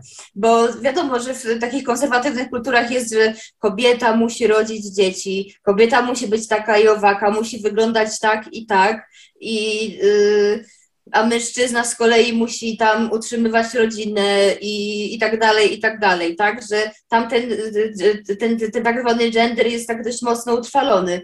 I tutaj znowu idzie szaleństwo w drugą stronę, że w takim razie mamy milion genderów i, i, i tylko, że to poszło w jakąś stronę, że y, że rzeczywiście istnieje jakaś taka mm, dusza płciowa, że tak to ujmę, tylko że niektórzy mają jakąś inną. I ja wiem, że to, co y, mówię, się nie podoba wielu osobom, ale y, jakby jeśli ktoś się identyfikuje jako niebinarny i po prostu pomaga mu to jakoś tam porzucić stereotypy płciowe i w ogóle, to jakby spoko, akceptuję to, nie? Jakby yy, ja jestem dość liberalna ogólnie yy, wbrew pozorom, więc jeśli ktoś, to chce, jeśli ktoś tak chce, to spoko, ale ja uważam, że żeby istniała niebinarność, musi istnieć binarność. A ja nie wierzę, żeby ktokolwiek był binarny. W sensie, ja, ja nie wierzę w istnienie osób binarnych. No nie, nie wierzę w istnienie cis kobiet czy cis mężczyzn. Uważam, że po prostu uważam, że nie tylko osoby, które określą się jako niebinarne, mają jakąś wyjątkową, wyjątkowo, jakąś wyjątkowość płciową i wyjątkową ekspresję. Uważam po prostu, że yy, nie wiem, uważam, że płeć ogranicza się tylko i wyłącznie do naszego ciała i to nas różni, a reszta to jest nasza osobowość i, i no. to jest bardzo kontrowersyjne chyba, ale no yy, ale jednak no, nie wierzę w jakąś duchowość płciową. No, yy, to, to jest też Bardzo kwestia wiary. Wiesz co, to jeszcze kilkadziesiąt lat temu nie było to kontrowersyjne. To był główny nurt feminizmu, e, wiesz, e, który mówił, że kobiety mają po prostu różną osobowość, a to, że są biologicznie kobietami, no to e, nie, nie musi z tego wynikać żadna, nie wiem, preferencja do ubioru, do ról społecznych i tak dalej. Nie, no, no dzisiaj tak, się no to... okazuje, że mamy regres i się okazuje, że to jest kontrowersyjne. No. Nie, i że y, y, istnieją binarni i poza tymi binarnymi są ci wyjątkowi, tak? I jakby, no ja odrzucam to myślenie, bo jakby, no żeby zostać niebinarnym, to trzeba po prostu dowiedzieć się o tym, że tak to ujmę i w to uwierzyć. To jest no, to jest trochę jak z scientyzmem, nie wiem, no w sensie, no to, jest totalnie jak wiara moim zdaniem. I jeśli komuś ta wiara odpowiada i nie chce jej jakoś tam, yy, jakoś tam wtłaczać w prawo, no to okej, okay, tak? no to y, dla, ja, jak dla mnie każdy sposób, żeby wyrwać się jakoś tam z ograniczeń płciowych i tak, y, i tak dalej jest spoko, chociaż też kontrowersyjnie uważam, że dużo lepiej, żeby mężczyźni zaczęli wypowiadać się przeciwko seksizmowi i myć, myć naczynia, niż żeby zaczęli też kupować makijaż. I bo teraz, teraz tak swoją drogą jeszcze, jeśli chodzi o tę całą niebinarność, te wszystkie gender bending, ten właśnie ten queer, to kompanie, to w sensie kompanie, yy, Boże, ale zrobiłam tutaj kalkę z angielskiego paskudną, yy, wszystkie korporacje, one tak mega podłapały i nie wiem, czy wiesz, ale ta flaga, ta co teraz wszyscy ją wywieszają, ta progresywna, ta, yy, co jest... Yy, co jest, y, masz tam flagę normalną y, LGBT, y, ta, ona ta jest... koszmarna, taka, co się wcina tam, taki... Tak, tam się wcina taki właśnie no.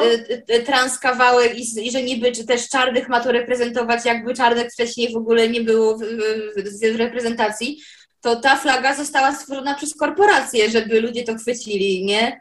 Y, została wykonana właśnie na, na potrzeby jakiejś tam korporacji, żeby coś tam zareklamować ludziom.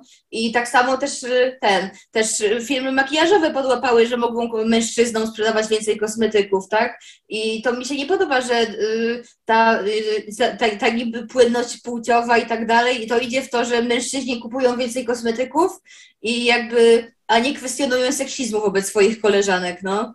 No tak. A poza tym jeszcze no, wciska się, nie tak kończąc ten wątek, e, wciska się potworne ilości hormonów, rozwija się e, przemysł branży chirurgii plastycznej i no- na pewno trochę seksuologów, trochę psychologów też coś zarobi. Ogólnie No to się rozwija i tutaj y, uważam, że znaczy z jednej strony to jest, kurczę, bo y, gdyby to nie było w warunkach kapitalizmu, y, takiego y, patologicznego, w jakim żyjemy, to może bym pochwaliła, że y, fajnie, że jest więcej lekarzy, którzy zajmują się osobami trans, bo ja naprawdę w sensie wiem, że ja oficjalnie ich wszystkich nienawidzę i tak dalej, ale niestety tak nie jest. No niestety, przepraszam, no nie umiem ich znienawidzić, mimo że wszyscy bardzo próbują mnie do tego przekonać od, od ponad roku. Ale y, no ja jestem za tym, żeby y, ci ludzie mieli lepszy dostęp do lekarzy. Tylko, że jeśli to wygląda tak, że y, tak naprawdę mm, no, lekarze biorą hajs za to, że na pierwszej wizycie od razu przepisują komuś hormony, a to też jest debata, bo podobno to jest transfobiczne uważać, że nie powinno się dawać ludziom hormonów od razu na żądanie. W sensie, to, dla mnie to jest tak samo, jakby na przykład no osobom tak, bo chorym- jeśli, no słuchaj, no nie no logiczne, no bo jeżeli porównujesz orientację, która tam faktycznie polega na jakimś zespole odczuć i tożsamość, która zawsze była postrzegana przez pryzmat jednak obecności dysforii, czyli pewnego specyficznego problemu, który motywuje człowieka do tego, żeby y, poddać się nawet bolesnej operacji, czy zaryzykować branie hormonów, które nie jest bez skutków ubocznych, bo nic nie jest, tak żadne medykamenty nie są, a tym bardziej brane całe życie to jest osłabienie kości, to jest e, dużo, e, to jest ryzyko e, innego rodzaju chorób. I e, teraz, e, no, jeżeli się patrzy, patrzy tutaj, że się znosi to i dysforia nie ma znaczenia, ma znaczenie, istnieje dusza płciowa jako jakieś przekonanie i e, prawda, no to, no to w tym momencie faktycznie, no to wówczas nie ma, kto ma jakie prawo to kwestionować. No problem No w tym, właśnie, że tak to- nie wygląda, ponieważ i poza tym jeszcze, no, żeby to jeszcze było coś takiego, e, żeby chodziło tylko o tą społeczność. To ja na przykład jestem zdania, że nawet jeśli mamy dzieci, to ja nie widzę przeszkód, że jak tam, nie wiem, e, Jasio czy tam jakiś Tomek chce chodzić w sukience do przedszkola, to żeby sobie pochodził, tak? To ja, nie- ja nie widzę tu jakiegoś problemu, bo ja też Znaczy, jak- ja w ogóle uważam, że powinniśmy zdegenderyzować dziecięce ubrania i zabawki, bo to jest absurd. Tak, no, chociaż ja też nie wiem, no y, nie, nie wiem, no ja, ja, ja na przykład y, mama chciała mnie ubierać w spodnie, a ja chciałam chodzić w sukienkach i nie wiem, więc odwrotnie niż stereotyp, bo mamie było wygodniej w spodniach, bo się nie brudzą, nie drą się rajstopy i tak dalej, nie?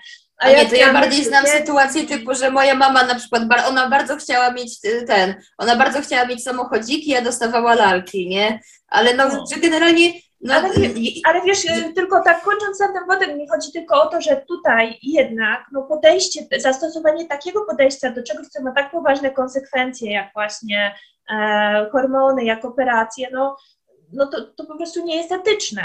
No, tak mi się Znaczy, w sensie, bo y, y, ja wiem, że od razu jest, że jak możesz porównywać transpłciowość do innych chorób na przykład, no ale jednak to jest tak, że no, transpłciowość podobno siedzi w mózgu, tak? Nawet ci, ci No. ludzie często mówią, że są te badania, które pokazują różnice w mózgu.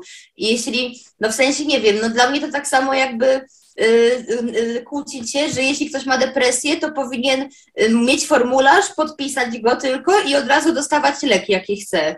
A no tak nie powinno być. W sensie, Po pierwsze, to je, wiesz, y, od razu tak, dokładnie. Ja ci tylko się wetnę słowo, ponieważ pamiętam, że jak była jeszcze, ja właściwie bardzo szybko po rozpoczęciu tej dyskusji ja z tej partii odeszłam, tak, ale pamiętam, że jeszcze jakiegoś takiego kolegę, który tam próbował wrzucać badania, nie mając pojęcia w ogóle o problemach z metodologią tych badań mózgu, e, jak tu wspomniałaś. Po drugie, jak bardzo nie ma tutaj żadnego konsensusu, bo to nawet jest książka y, o gender chyba bez, y, jejku, taka przetłumaczona niedawno na polski.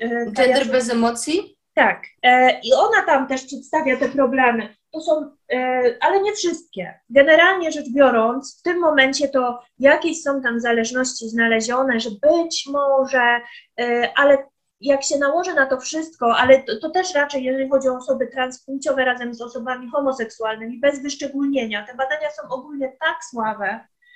Znaczy, bo w ogóle naukowcy nie znają do końca ten, nie znają do końca jeszcze różnic między damskim a męskim e, mózgiem. Dokładnie, więc no... to po prostu się do niczego, w tym momencie argumentowanie tym jest okant, że tak powiem, y, i powoływanie się tu na badania naukowe E, nie ma sensu. Trochę z tych problemów było poruszone w tej mojej wcześniejszej rozmowie. Ona jest taka bardzo specjalistyczna, związana z psychologią. Dwie części tam e, wrzucałam właśnie z doktorantem, e, który się zajmuje tymi problemami, między innymi akurat nie specyficznie transpłciowości, ale w ogóle problemami w badaniu i też mówi właśnie o tych badaniach mózgu. No więc to jest po prostu nieprawda. Nie ma ani jakiegoś płciowego, nie wiem, miejsca dotychczas odkrytego w głowie, ani nie ma płciowej duszy. Tylko tyle no właśnie, znaczy, bo właśnie y, ja generalnie, y, jak jestem w tych środowiskach pro, pro, progresywistycznych i tak dalej i nie chcę mi się kłócić, no to ja się zawsze określam po prostu jako agender female, bo to jest najbliżej, no bo jak gadałam w ogóle z większością koleżanek, bo ja miałam tak, że w pewnym momencie ja myślałam trochę, że jestem niebinarna i miałam tak, że kurde, może rzeczywiście jest tak, że inni są jacyś binarni, a ja jestem jakaś inna, nie? I tak y, pytałam znajomych i tak y, dosłownie, w sensie pisałam po znajomych i tak, ej, w jaki sposób czujesz, że jesteś facetem, że jesteś kobietą, nie? No i większość ludzi odpowiadała, że tam Yy, większość odpowiadała, że po prostu, no, no bo mam macicę, nie? No, no bo ten, no, no bo mam takie ciało, albo no, nie wiem, albo że no, za bardzo nie, nie utożsamiam się ze stereotypami z męskimi, ale jakoś tak mi wyszło, że jestem mężczyzną. No, same takie odpowiedzi. Nikt mi nie powiedział, że czuję się mężczyzną, że czuję się kobietą, że so, jest jakiś binarny. I to zrobiło mnie myśleć, że to chyba nie jest tak, że jest ta binarność i są specjalnie niebinarni, tylko że po prostu yy, no, ludzie raczej w większości nie myślą tak bardzo o tej swojej płci, tak? No ja się określam jako agender, żeby nie były jakieś draki, tak? Ale Albo słuchaj, w temacie to było takie badanie i było, i właśnie y, jeżeli się pyta osoby, dokładnie osoby, które tak zwane, które transaktywiści nazywają CIS, to większość z tych osób nie ma żadnych żadnych odczuć płciowych, nie ma poczucia tożsamości. W związku z tym tożsa poczucie tożsamości występuje to, co się nim nazywa, występuje tylko u osób, które są trans.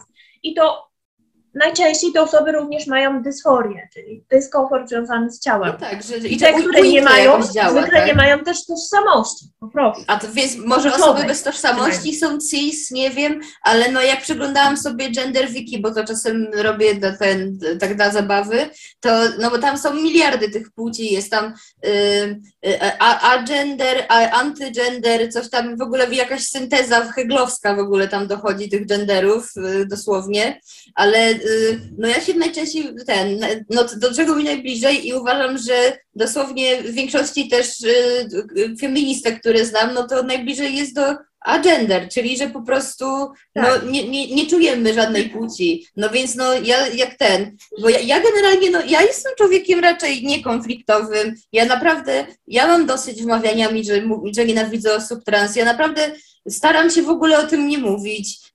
Mimo to ci ludzie cały czas mnie śledzą i, yy, i naprawdę ja, ja mam ich dosyć, ale bo naprawdę nie nienawidzę osób trans. W sensie Yy, no nie wiem, teraz pewnie przez to, że to powiedziałam już trzy razy, to ten, to się okaże, że, nie, że to, to jest dowód, że nienawidzę. Wysiądź nie i już jest nienawidzę, nie?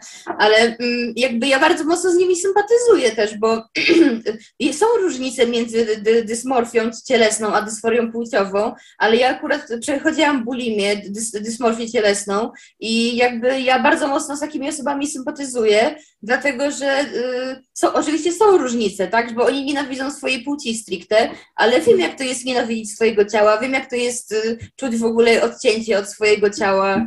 Y, zanim nazwano mnie terfem, to miałam więcej znajomych trans, tylko potem mnie poblokowali, nie? Y, czy, czy więcej ten, w sensie te dramy to w ogóle już była tragedia, ale jakby no, mocno z nimi sympatyzuję i nawet jestem przekonana, że to może być kontrowersyjne też w jedną i w drugą stronę, bo y, uważam, że jeśli na przykład jest dziecko, które y, czuje dysforię i jest diagnozowane przez lekarza, to y, jeśli rzeczywiście y, jest y, jakby jest pod stałą kontrolą lekarza, który nie jest jakoś tam, nie, nie jest tak, że zbiera kasę za wciskanie ludziom hormonów, tylko serio jest dobrym lekarzem i on uważa, że to dziecko powinno dostać blokery, to uważam, że powinno je brać i nikt nie powinien tego oceniać. W sensie jestem przeciwna dawaniu tych blokerów tak o, bo y, no jest coraz więcej historii, o, w sensie to są głównie historie też z, ten, ze Stanów i z, Wielkiej Brytanii, gdzie tam jest ten tak zwany informed consent i ten informed consent wcale nie jest taki informed, bo jeśli masz po prostu podpisać całą listę jakichś tam y, konsekwencji możliwych, tak, y, i możesz jej nawet nie przeczytać, no to to nie jest informed moim no, zdaniem, tak? No tak, no to, chodzi o świadomą, to się u nas po polsku świadomą zgodę, tak? Tak.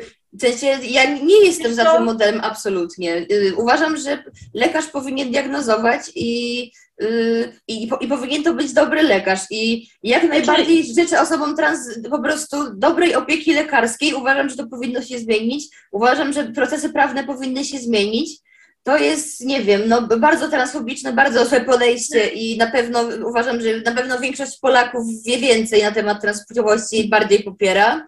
Y, tak. Więc ja jestem tutaj szczególnie zła i trzeba mnie stalkować i mnie nienawidzić. Y, ale no. Więc, więc e, ja tylko wrócę, wiesz co, tutaj. Y, ja tylko powiem tak. E, ja akurat, jeżeli chodzi o blokery, nie, dlatego że też pojawiły się ostatnio, bo no znowu, no to były tak małe próby, bardzo trudno to badać i tak dalej ale pojawiły się wątpliwości, no bo to nie jest takie bez konsekwencji, dlatego ja uważam, Absolutnie że... nie jest, w sensie y, mm. ja sprawdzałam też badania. Takie medyczne jest... wątpliwości, tak. I... Bo y, co ten, y, w Wielkiej Brytanii się stosowało też bodajże na przyspieszone dojrzewanie, to jest lupron w ogóle chyba się nazywa ta substancja, z tego co pamiętam, mm. i patrzyłam na badania kliniczne i to jest tak, że to nie jest bez konsekwencji, więc dlatego też uważam, że Y, y, y, to powinno być tylko i wyłącznie w sytuacji, jeśli jest no, taka jakby, no jeśli lekarz ma pewność, że ten dzieciak nie wyrośnie z tej dysforii, tak, że to jest decyzja, która ratuje mu życie, tak? Nie tak, że dawać, dawać na przykład każdej dziewczynie, która czuje się niepewnie z byciem dziewczyną, bo też, no jest też ta kwestia, że no, praktycznie każda dziewczyna w którymś momencie czuje się niekomfortowo z byciem dziewczyną, bo bycie kobietą generalnie jest trochę niekomfortowe w naszym świecie, ale y, jeśli zachodzi taka uzasadniona potrzeba, jeśli to jest w jakiś sposób po prostu, jeśli jest to potrzebne i te ryzyka po prostu y, inaczej, jeśli, y, jeśli potencjalne pozytywy przewyższają te ryzyka, no to niech lekarz decyduje, tak? Niech lekarz decyduje w takiej sytuacji i niech to nie będzie lekarz, który ma jakieś tam podpisane kontrakty z jakimiś tam firmami, bo y, wiem, że to brzmi szursko, że y, lekarze nie, podpisują kontrakty i tak dalej. Ile było afer ale, z firmami farmaceutycznymi? Ale tych afer było dużo, na przykład ja uważam, że mi antykoncepcję przepisano w taki sposób, bo ja dostałam antykoncepcję w ogóle bez badań i babka tak o, wypisała mi jakiś lek, który akurat był najnowszy na rynku. No ja jestem pewna, że ona miała jakąś tam umowę podpisaną po prostu, żeby wypisywać jak najwięcej antykoncepcji kobietom tak, w taki sposób. E, chciałam trochę wrócić do kwestii feministycznych, bo e, hmm. Mówi, że wcześniej byłaś taką, rozumiem, liberalną albo nawet libertariańską, można powiedzieć, feministką, tak? E, tak, tak. Ja miałam też okres w ogóle bycia libertarianką w swoim życiu, więc tak. Hmm długą drogę przebyłam, w sensie w stronę lewicy jakoś mnie tak pchnęły ten, jakoś e, strajk kobiet chyba mnie tak trochę pchnął w lewicę bardziej, paradoksalnie. W sensie mam wrażenie, że nasz rząd stworzył coraz więcej kobiet o, poglądach feministycznych, bo kiedyś to nie było modne, nie było fajne, a teraz to się zrobiło takie dość pożądane nawet e, w, w niektórych kręgach właśnie przez to. Więc właśnie też na tej fali jakoś tam wskoczyłam i też oczywiście wskoczyłam ze wszystkim, w sensie dziewuchy dziewuchom w ogóle wszystko zapisały, to wiadomo, święte, tak, y, jakaś tam Maja Staśko też wiadomo, super robota i tak dalej i dopiero potem jakoś zaczęłam na to bardziej krytycznie patrzeć. No to powiedz, co się stało takiego, e, że zaczęłaś się skłaniać ku temu radykalnemu feminizmowi bardziej, bo rozumiem, że jednak bliżej ci, no przynajmniej taki socjalistyczny, tak, albo radykalny. No, taki socjalistyczny, radykalny, niekoniecznie marksistowski, bo nie lubię Marksa bardzo, ale tak, no antykapitalistyczny, radykalny feminizm. Znaczy, w dużej mierze to pchnęli mnie transaktywiści wmawiający mi, że, jest, że nienawidzę osób trans tak bardzo nachalnie, A poza tym też jakby przebywanie z tą grupą sex worki, worki, zobaczenie jaka to jest bańka i jak bardzo oni sobie powtarzają te bzdury. Wtedy jakoś pojawił się ten podcast Dwie dupy o dupie, wysłuchałam trochę i stwierdziłam, że nie, to nie jest to. I zaczęłam szukać i znalazłam dopiero w anglojęzycznym internecie jakieś treści takie bardziej abolicjonistyczne, takie stricte antykapitalistyczne, krytykujące liberalny feminizm i w zasadzie no... Mój feminizm, jaki teraz y, w zasadzie stosuję i w jaki wierzę, to narodził się w przeglądaniu Tumblera i szukaniu tam PDF-ów, Andrei Dworkin i tak dalej. Y, po prostu dostrzegłam absurd w tym wszystkim i zaczęłam być dużo bardziej krytyczna w pewnym momencie. No radykalny feminizm to tak właśnie no, nie jest tym proseksualnym, czyli e, to nie, nie oznacza to też, że chce, nie wiem, tłamsić seksualność czy zamykać w jakichś rygorach, ale. Znaczy, moim zdaniem jest bardziej proseksualny niż ten y, sex mm-hmm. positivity. W sensie, moim zdaniem, y, no, radykalny feminizm jest dużo bardziej proseksualny, bo przede wszystkim stawia na to, żeby kobiety odkrywały swoje ciała, żeby. Yy, no w sensie, no jest jak najbardziej pro-seks, nie, nie, nie, pro, nie pro prostytucja, nie pro porno, tylko pro-seks rzeczywiście, tak? Pro, rzeczywista zgoda, y, pro odkrywanie siebie, swojego ciała, więc y, no myślę, że y, no, y, to była najbardziej Czyli, na przykład bliższy jest ci taki, Tak, ale bliższe ci jest taki, e, takie, takie spojrzenie tam, e, że istnieje na przykład coś takiego jak właśnie jednak specyficzna odmienna seksualność męska i żeńska? W sumie poniekąd tak, w sensie, bo Generalnie no, y, myślę, że kobiety i mężczyźni różnią się między sobą, chociaż nie wiem, czy można stwierdzić, że jest stricte męska, stricte żeńska seksualność, bo uważam, że no, każdy ma inaczej, każdy y, ten, no nie wiem, są mężczyźni, którzy chcą mieć tylko jedną partnerkę i tylko ją kochają i tylko ona im się podoba, są tacy, którzy chcą skakać z kwiatka na kwiatek i tak samo też jest z kobietami zresztą, tak? Jeśli chodzi na przykład o, stricte o te kwestie y, jednego partnera, czy tam tych powoli czy tej poligami i tak dalej. Więc no, y, nie, myślę, że nie ma stricte męskiej i żeńskiej seksualności. No, myślę, ale... że są pewne wzorce, które są nam wpajane kulturowo i są też pewne tendencje, ale jednak mimo wszystko jest to indywidualne. No tak, ale właśnie tu od razu się nasuwa, e, że jednak z prostytucji właściwie korzystają sami faceci. Czy myślisz, że nie wiem,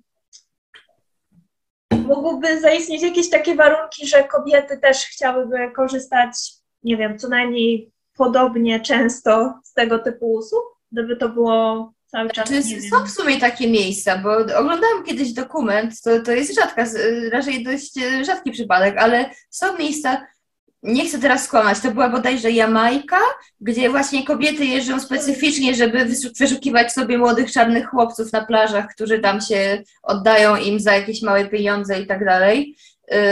I to gdzieś tam istnieje, ale no, y, to, co tam na pewno y, wyróżniało tę sytuację, to, że była tam ogromna bieda, a te kobiety, które przyjeżdżały, były zachodnie i białe, więc no myślę, że y, to, co musi zaistnieć, to to, żeby kobiety były y, tak zdesperowane, żeby kobiety były zdesperowane, a mężczyźni biedni po prostu, tak?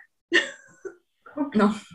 No tak, no właśnie, no takie, takie są właśnie te rozmowy, w sumie ja się śmieję tak trochę, ale z takim e, no, z takim niedowierzaniem, no bo w sumie rozmawiamy jednak, no właśnie ja mam to poczucie, no, handlowaniu człowiekiem, no.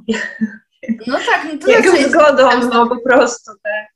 No bo to jest handel człowiekiem, to jest handel y, jego intymnością i no ja wiem, że teraz będzie, że ale przecież budowy, ten, ktoś, kto pracuje na budowie też oddaje swoje ciało, tak? Ale jednak no moim zdaniem no, seks jest rzeczą na tyle intymną, że powinna być tylko i wyłącznie konsensualna, a konsensualna, tak, oznacza, że obie strony tego chcą z własnej nieprzymuszonej woli. Nie na zasadzie, że mogę to, jak tam są te stopnie konsentu czy coś, że mogę to znieść dla pieniędzy, że mogę to zrobić, bo chcę kogoś zadowolić. No nie.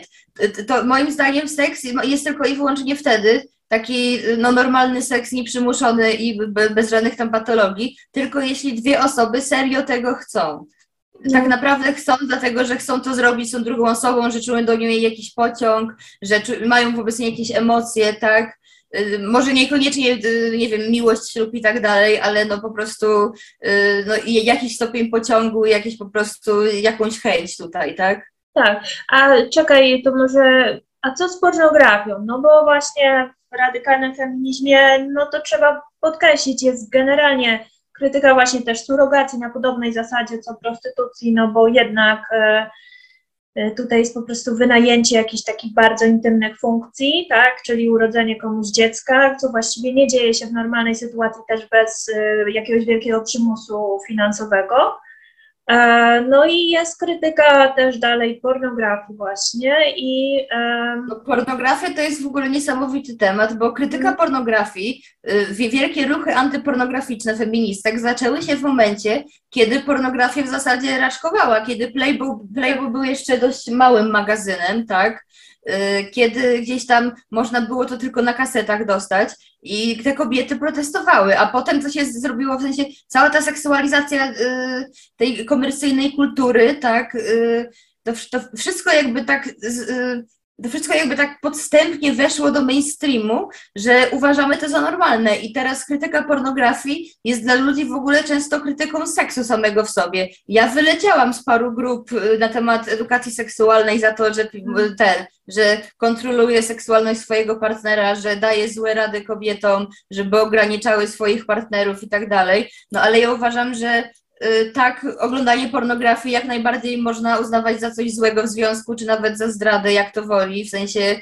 y, że no, każdy może mieć różne granice, a akurat, no, y, jak już też mówiłam, uważam, że żyjemy w jakimś ogromnym patologicznym eksperymencie społecznym, który daje po prostu dzieciom, już dzieciom, tak, dostęp do najbardziej brutalnej pornografii, po prostu do, no, do, do, do czegokolwiek, czego nie, nie chcą sobie zobaczyć, one mają dostęp, tak? Wystarczy, że wpiszą, piszą osobną rzecz, do, dobrą rzecz w, wyszukiwarkę, tak? Rodzice często w ogóle nie rozmawiają z dziećmi o tym i te dzieci, y, ostatnio właśnie y, przed szereg wyszła Billie Eilish i y, dziękuję jej za to, to było uważam bardzo ważne wydarzenie, jeśli chodzi w ogóle o ruch antypornograficzny, bo ona mówiła, że zaczęła oglądać porno w wieku 11 lat i to jej zniszczyło mózg i to zniszczyło, zniszczyło jej spojrzenie na relacje damsko-męskie i y, to jest też tak, że ludziom się wydaje, że ja mówię z pozycji moralizatorskiej, pewnie jeszcze wiadomo katolickiej i w ogóle y, chcę tam czystości do ślubu, nie wiadomo co,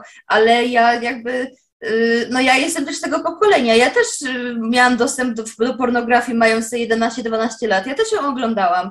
Też myślałam, że to jest normalna część związku. Y, też obejrzałam po prostu dziesiątki rodzajów najbardziej brutalnego porno, zanim w ogóle weszłam w jakąkolwiek relację z kimkolwiek. I uważam, że to był bardzo zły czynnik, że to źle wpłynęło na te moje relacje. Uważam, że to... Ale czekaj, właśnie, no ale co jest e, złego? No właśnie no bo ja na przykład mogę powiedzieć, że no, z perspektywy badań psychologicznych, no prawdopodobnie też w związku z tym, że seksualność po prostu jest jakąś tą częścią bardziej zwierzęcą naszej natury, bardzo pierwotną. E, jedną z pierwszych, która się pewnie pojawiła, no po prostu w celu pomnożenia gatunku, pomnożenia przedstawicieli e, gatunku, no to e, jakby jestem zdania, że być może tutaj następuje jakieś takie rozhamowanie E, wewnętrzne, które faktycznie, czy jakaś forma przyzwyczajenia, która może być, no nie wiem, utrudniać e, na przykład później takie interakcje na żywo. No to o tym czytałam, o takich badaniach, że faktycznie tak się dzieje i faktycznie gdzieś tam jest pewna szkodliwość w tym, w tym sensie, psychologiczna po prostu, nie? No ale jak ty na to patrzysz, co, co w tym jest twoim znaczy, zdaniem? Znaczy to jest szkodliwe na każdym poziomie i właśnie yy, nie wiem, nie wiem, czy zrobię z tego podcast, czy zrobię z tego odcinek na YouTubie, ale wiem, że na pewno y, ten, jestem w przygotowaniu w ogóle całego materiału na ten temat, bo y, udało mi się dostać w moje, w moje ręce książkę Pornoland i jeszcze Getting Off i jest tam bardzo dużo zestawień badań, i, y, ale nawet bez tego ja widzę po prostu, że żyjemy w wielkim eksperymencie po prostu, że młodzi mężczyźni są uczeni seksu w taki sposób, że y, myślą, że seks kończy się wytryskiem na twarz, bo tak naprawdę no, branża porno y, jakby, znaczy no zaraz wyjdzie mi jakaś tutaj ten, seksworkerka z Seksu Polska, ale są różne filmy porno, jakie porno ty oglądasz, no jakby, no nieważne jakie porno ja sobie znajdę, ale większość na przykład chłopaczków 12-13-letnich, oni wpiszą porno w Google i im wyskoczy po prostu wszystko, wszystkie kombinacje, y, a wiadomo, te Znaczy, są... to, co mnie martwi też jeszcze, nie? Powiem Ci szczerze, że ja też w ogóle, nie wiem, pamiętam, że pierwszą to były jeszcze kasety wideo, rozumiesz? Takie, e, takie Retro. plastikowe, tak? E, to żeśmy z koleżanką e, podkradły ojcu właśnie jej, to miałyśmy też ze 12 lat wtedy, więc to lata 90. E, I jakby też nie, nie widziałam przez długi czas nic złego w tym. Natomiast faktycznie odkąd, e, no ale to wtedy to później to mi się zdarzało, nie wiem, widzieć w telewizji na przykład, tak, przez jakiś tam czas.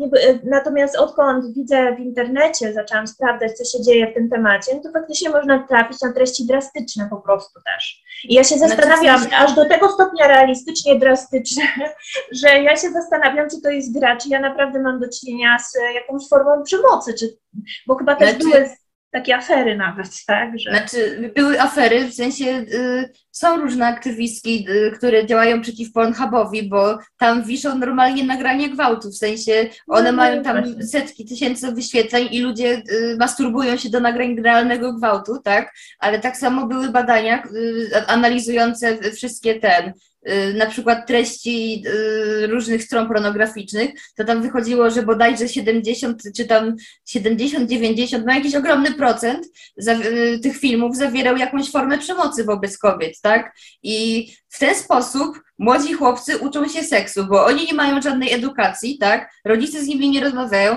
chłopcy. Kobiety też, wiadomo, no Billie Eilish o tym mówiła, ja o tym mówię też, y, nie ukrywam, z pozycji osoby, która po prostu, no, wychowała się na początku tego milenium, tak? Bo, y, no ile, no, y, ja jakoś w gimnazjum na przykład już oglądałam dużo porno, a ile, w który to był rok? 2013-14 mniej więcej, tak? No to wszystko, wszystko jest dostępne wtedy w sieci, tak? Wystarczy kliknąć, że ma się 18 lat, tu nie ma żadnych ograniczeń.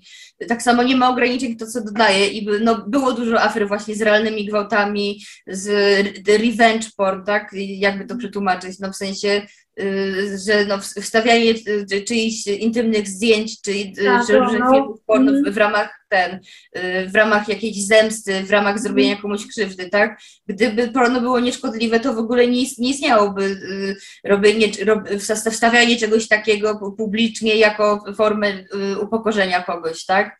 To dalej jest jakaś taka szara strefa, ale przede wszystkim, y, no, nawet już nie mówiąc o tym, jak, jak nieetycznie to jest produkowane, że ofiary handlu ludźmi często na przykład są przemycane z, przez granice, przez granicę, żeby tam y, grać w różnych filmach porno, które są potem wstawiane y, do różnych ten, na różne serwisy, gdzie ludzie je oglądają. To już nawet nie mówiąc o tej, o tej etycz, y, etyczności, a wracając do tej nieetyczności produkcji tego, to samo oglądanie tego to jest to, że to jest bardzo mądrze przemyślanie, bo, przemyślane, bo to jest przemyślane tak, żeby, y, no bo y, po co ludzie oglądają porno? No w większości po to, żeby się masturbować. Tak? Czyli za każdym razem, kiedy dana osoba osiąga orgazm przy czymś, przy czymś, ona się warunkuje na to, tak? Właśnie o Więc w zasadzie tak. mamy po prostu całe pokolenie mężczyzn, którzy warunkują się na dochodzenie na, przy przemocy wobec kobiet, tak? Przy wytrysku na twarz, przy zawsze wygolonych genitaliach oczywiście. Znaczy, no, ktoś mi powie, że ale są też takie, w których nie ma. No dobra, są, ale to, No, to jest już, już jakiegoś rodzaju fetysz, a nie norma, tak? W sensie zdarzało mi się już, i to jest niestety smutne, ale zdarzało mi się kłócić z ludźmi w internecie, czy wszystkim kobietom rosną włosy w, w miejscach intymnych i, i, i pod pachami. I to jest dla mnie takie, w sensie, no, rośnie nam pokolenie no, idiotów, którzy, nie wiem, będą impotentami z, za niedługo, tak? Bo, bo y, to jest rzecz, która martwi mnie osobiście najmniej, ale y, to jest też fakt, że no, to powoduje impotencję, tak? Po prostu, bo y, ci faceci, y, kobiety też zresztą, tak? Ale no, większo z większością y, oglądających są faceci, oni szukają coraz mocniejszych materiałów, potem szukają No właśnie o to no- chodzi, to tak. coraz, ten, coraz więcej przemocy, coraz po prostu coraz mocniejszych mocniejszych wrażeń, tak? Y, aż w końcu nie ma już mocniejszych wrażeń w tym internecie. I y, tak, to też, y, to też sprawia, że ci ludzie chcą to odgrywać na żywo, tak? Były już sytuacje, na przykład wczoraj trafiłam na artykuł, że 14-latek zgwałcił 10-latkę y, do śmierci i ją dusił przez to, że widział por, jakieś porno takie. W sensie, że te dzieciaki potem próbują to naśladować, tak? I ktoś mi też powie, że ale to jest jak z grami, bo y, ci dewoci mówią, że y, skoro jest przemoc w grach, to ludzie będą robić przemoc w, w rzeczywistości. No to nie, to nie działa tak, no jakby, y, że tak to ujmę pejoratywnie, nie walisz sobie konia do tych gier, tak? Nie warunkujesz się, a y, osiąganie orgazmu za każdym po prostu no do tych filmów zawsze to jest warunkowanie się. I tak. przez to, że ci ludzie się warunkują, no to Mm, nie wiem, no to jest jeden, wieczny, jeden wielki społeczny eksperyment i te, wszystkie te firmy, które y, produkują porno, one dobrze o tym wiedzą i dlatego robią coraz nowsze trendy, wymyślają coraz nowsze rzeczy, żeby po prostu coraz bardziej przyciągać zaangażowanie użytkowników, żeby Ale ten... Patrz, że, bardzo żeby... podobna rzecz, dobrze, że o tym mówisz, podobna rzecz y, przypomina mi się jest z hazardem, tak? Y, bo tu też jest behawioralne uzależnienie, E, I chociaż wydaje mi się, że tu reakcja fizjologiczna powinna być mniejsza, aczkolwiek nie wiem, bo faktycznie za pieniądze można coś kupić, tak, więc jest ten zastrzyk dopaminy, to jakby tak. No i na przykład one są ograniczane, muszą jakieś tam prowadzić te firmy, które hazard jakieś, no wprowadzają liczne ograniczenia dostępu, na przykład, nie wiem, jesteś tam za długo zalogowana, czy tam e, na danej stronie z zakładami albo coś takiego, no to tam niby się powinno e, ograniczać to jakoś, tak? E, no tak, to jest dużo bardziej kontrolowane, a ten, a nie zawiera w sobie handlu ludźmi i nagrań gwałtów, tak? Więc no, no. Y, no, y, to, to też można porównać te, też z takim behawioralnym uzależnieniem od ten, od napływów szybkiej kasy przy ten, przy pracy seksualnej, tak? Że to też tak działa, że no w sensie y, za każdym razem, jeśli człowiek jakoś się warunkuje na coś, tak, w sensie warunkuje się fizjologicznie, że ma jakiś tam haj dopaminowy, ale no zwłaszcza przy orgazmie, tak, y, nie jestem y, ten, nie jestem specjalistką od biologii ani nic, ale no generalnie no jeśli człowiek y, masturbuje się stale do czegoś i potem szuka coraz, coraz, nie wiem, coraz jakichś mocniejszych rzeczy i dalej się do nich masturbuje, tak, no to y, no w zasadzie wszystkie te korporacje kształtują seksualność młodych ludzi teraz, tak? I to jest uznawane za normę. I jeśli ktoś jest przeciw temu, jeśli mówi cokolwiek o tym, to jest wyśmiewane i to jest y, no, dość patologiczne. Mhm, tak.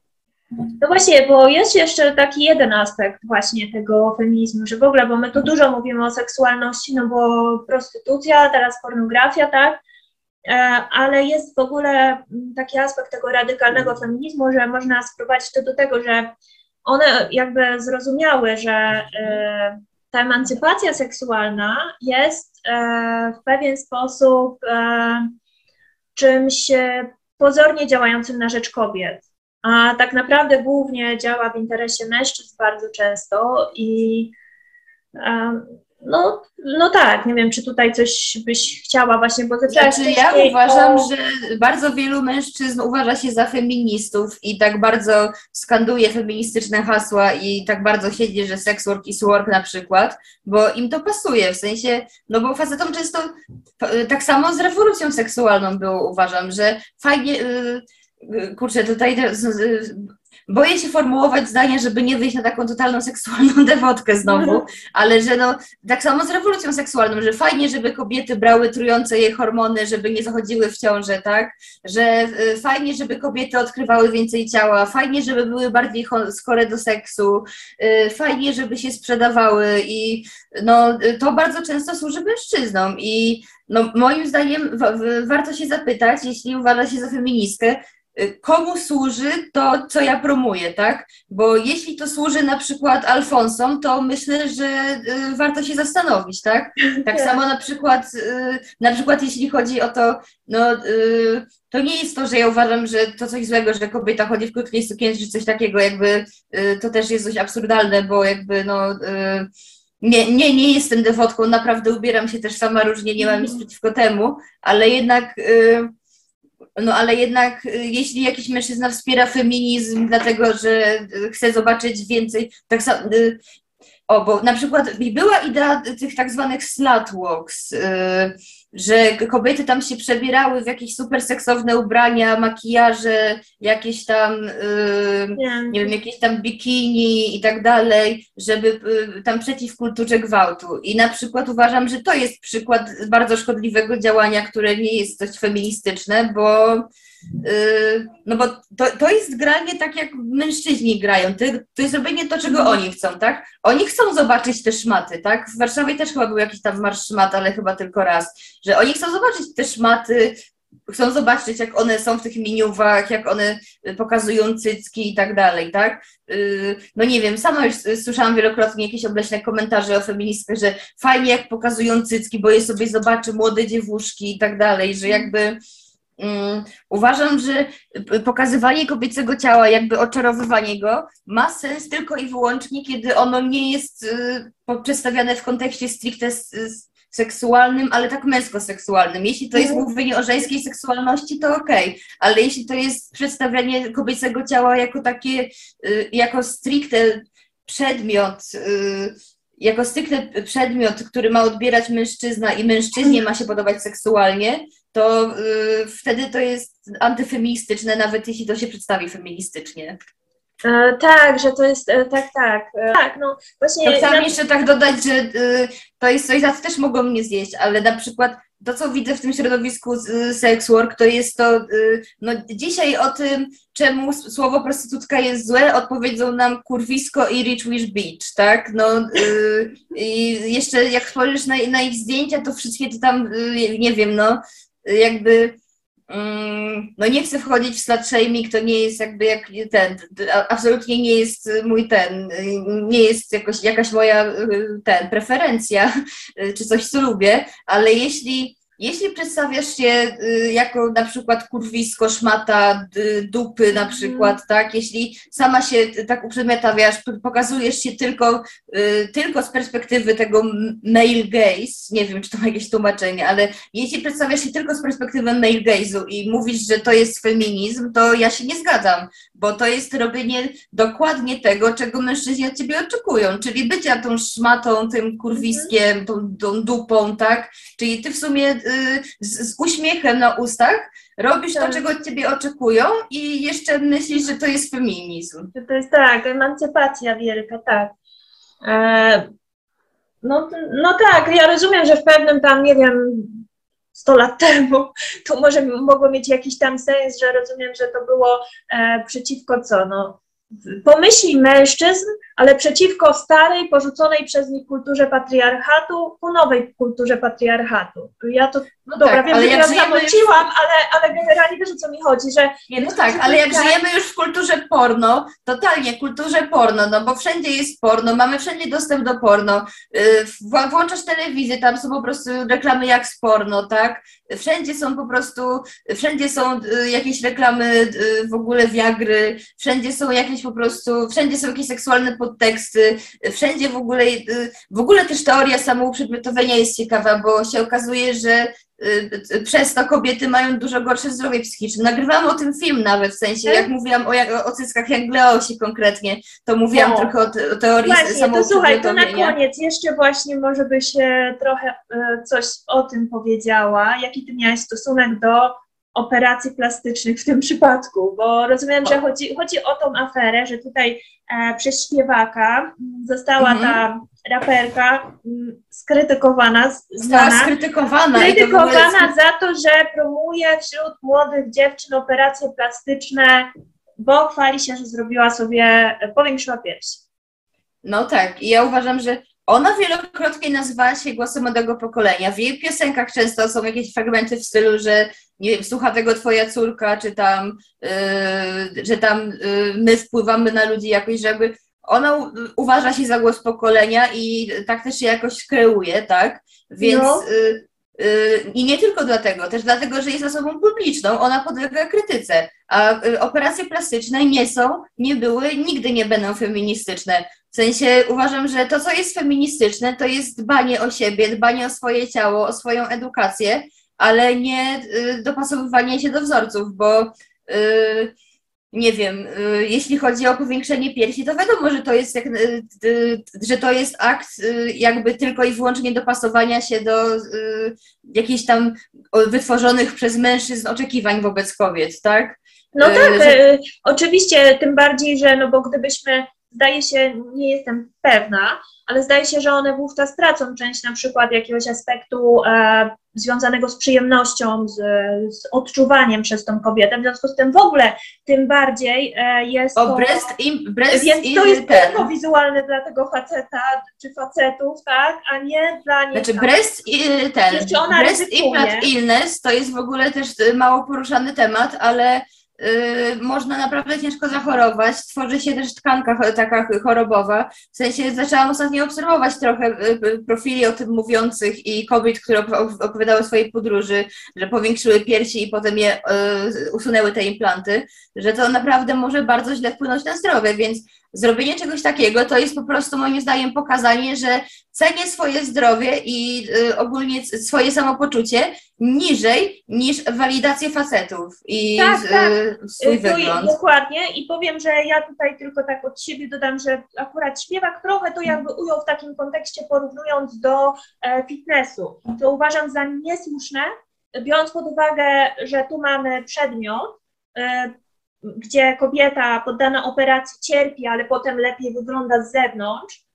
E, I mamy sytuację, że ona jest bierna w tym, a mamy tutaj jednak em, No, kultura fitness to jest inny temat. Dbałość o zdrowie, tak. I to jest jakby trochę, dlatego ja się tutaj nie zgadzałam z tym aspektem, jakby wtedy tamtej. Znaczy ja się trochę zgadzam, bo kultura fitness sama w sobie jest dość toksyczna i rzeczywiście no, jest cała ta kultura diet, jest to wpychanie kobietom jakichś suplementów, w ogóle wmawianie im, że są grube, bo mają na przykład, nie wiem, jakiś kawałek fałdki na ten, na brzuchu, mimo że są szczuplutkie.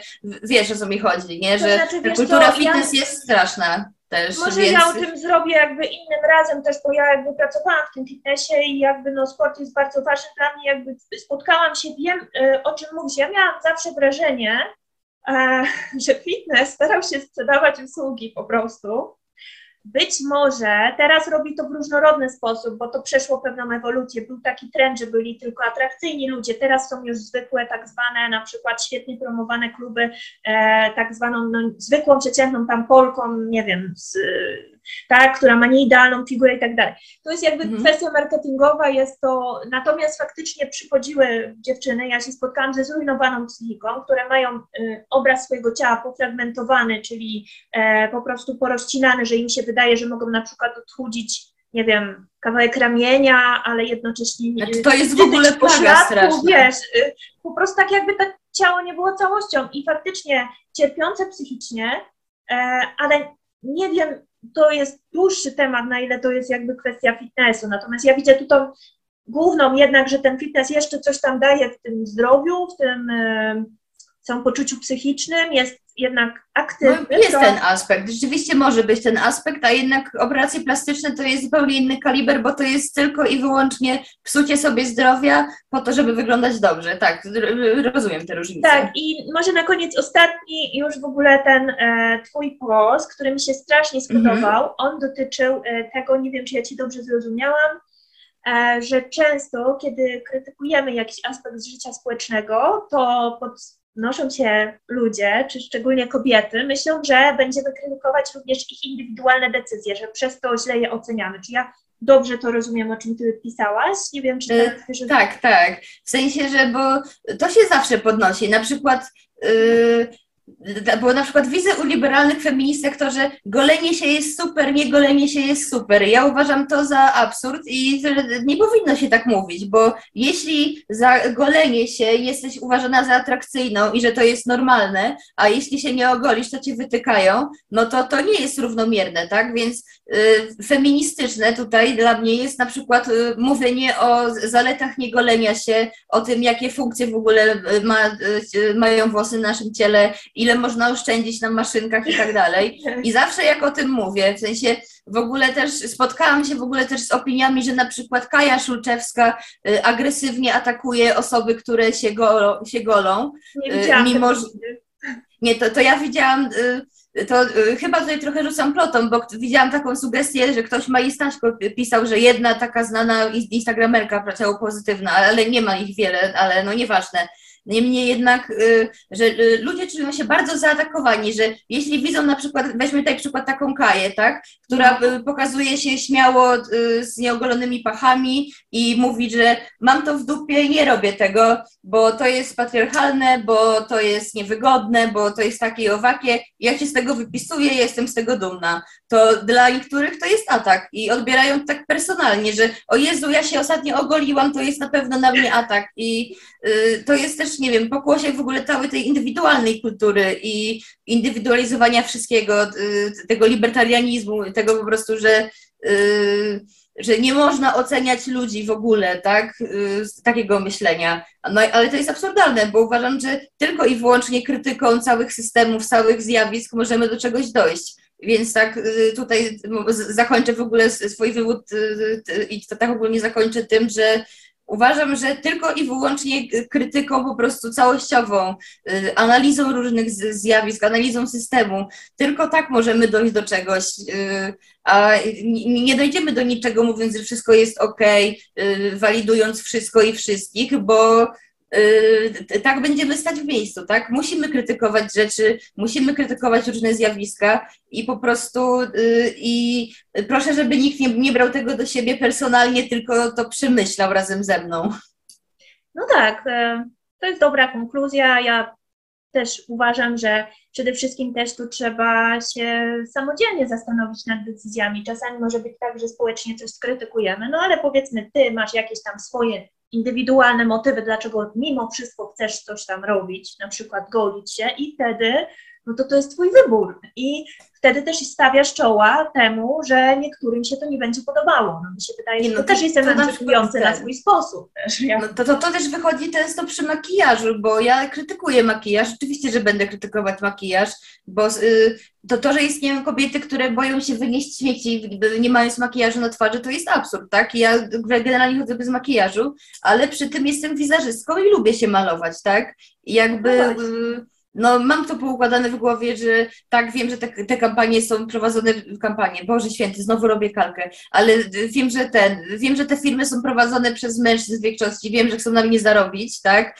wiem, że chcą, chcą, żebym miała kompleksy, ale jednocześnie jakoś się od tego odcinam i wiem też, że malowanie twarzy to jest coś, co ludzie robili w różnych kulturach od tysięcy lat i y, to może być też forma sztuki i tak to pojmuję ze swojej strony. No, to jest taki przykład, że no, można coś krytykować, ale jednocześnie można to robić i to, to nie jest złe. Jakby y, to nie jest tak, że rzeczy są ok i nie ok, tak? Y, rzeczy są zdecydowanie bardziej kurczę, skomplikowane. No. Tak, wszystko jest bardziej zniuansowane po prostu.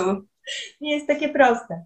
Dobra, dzięki za, za rozmowę. Dobra, również dziękuję.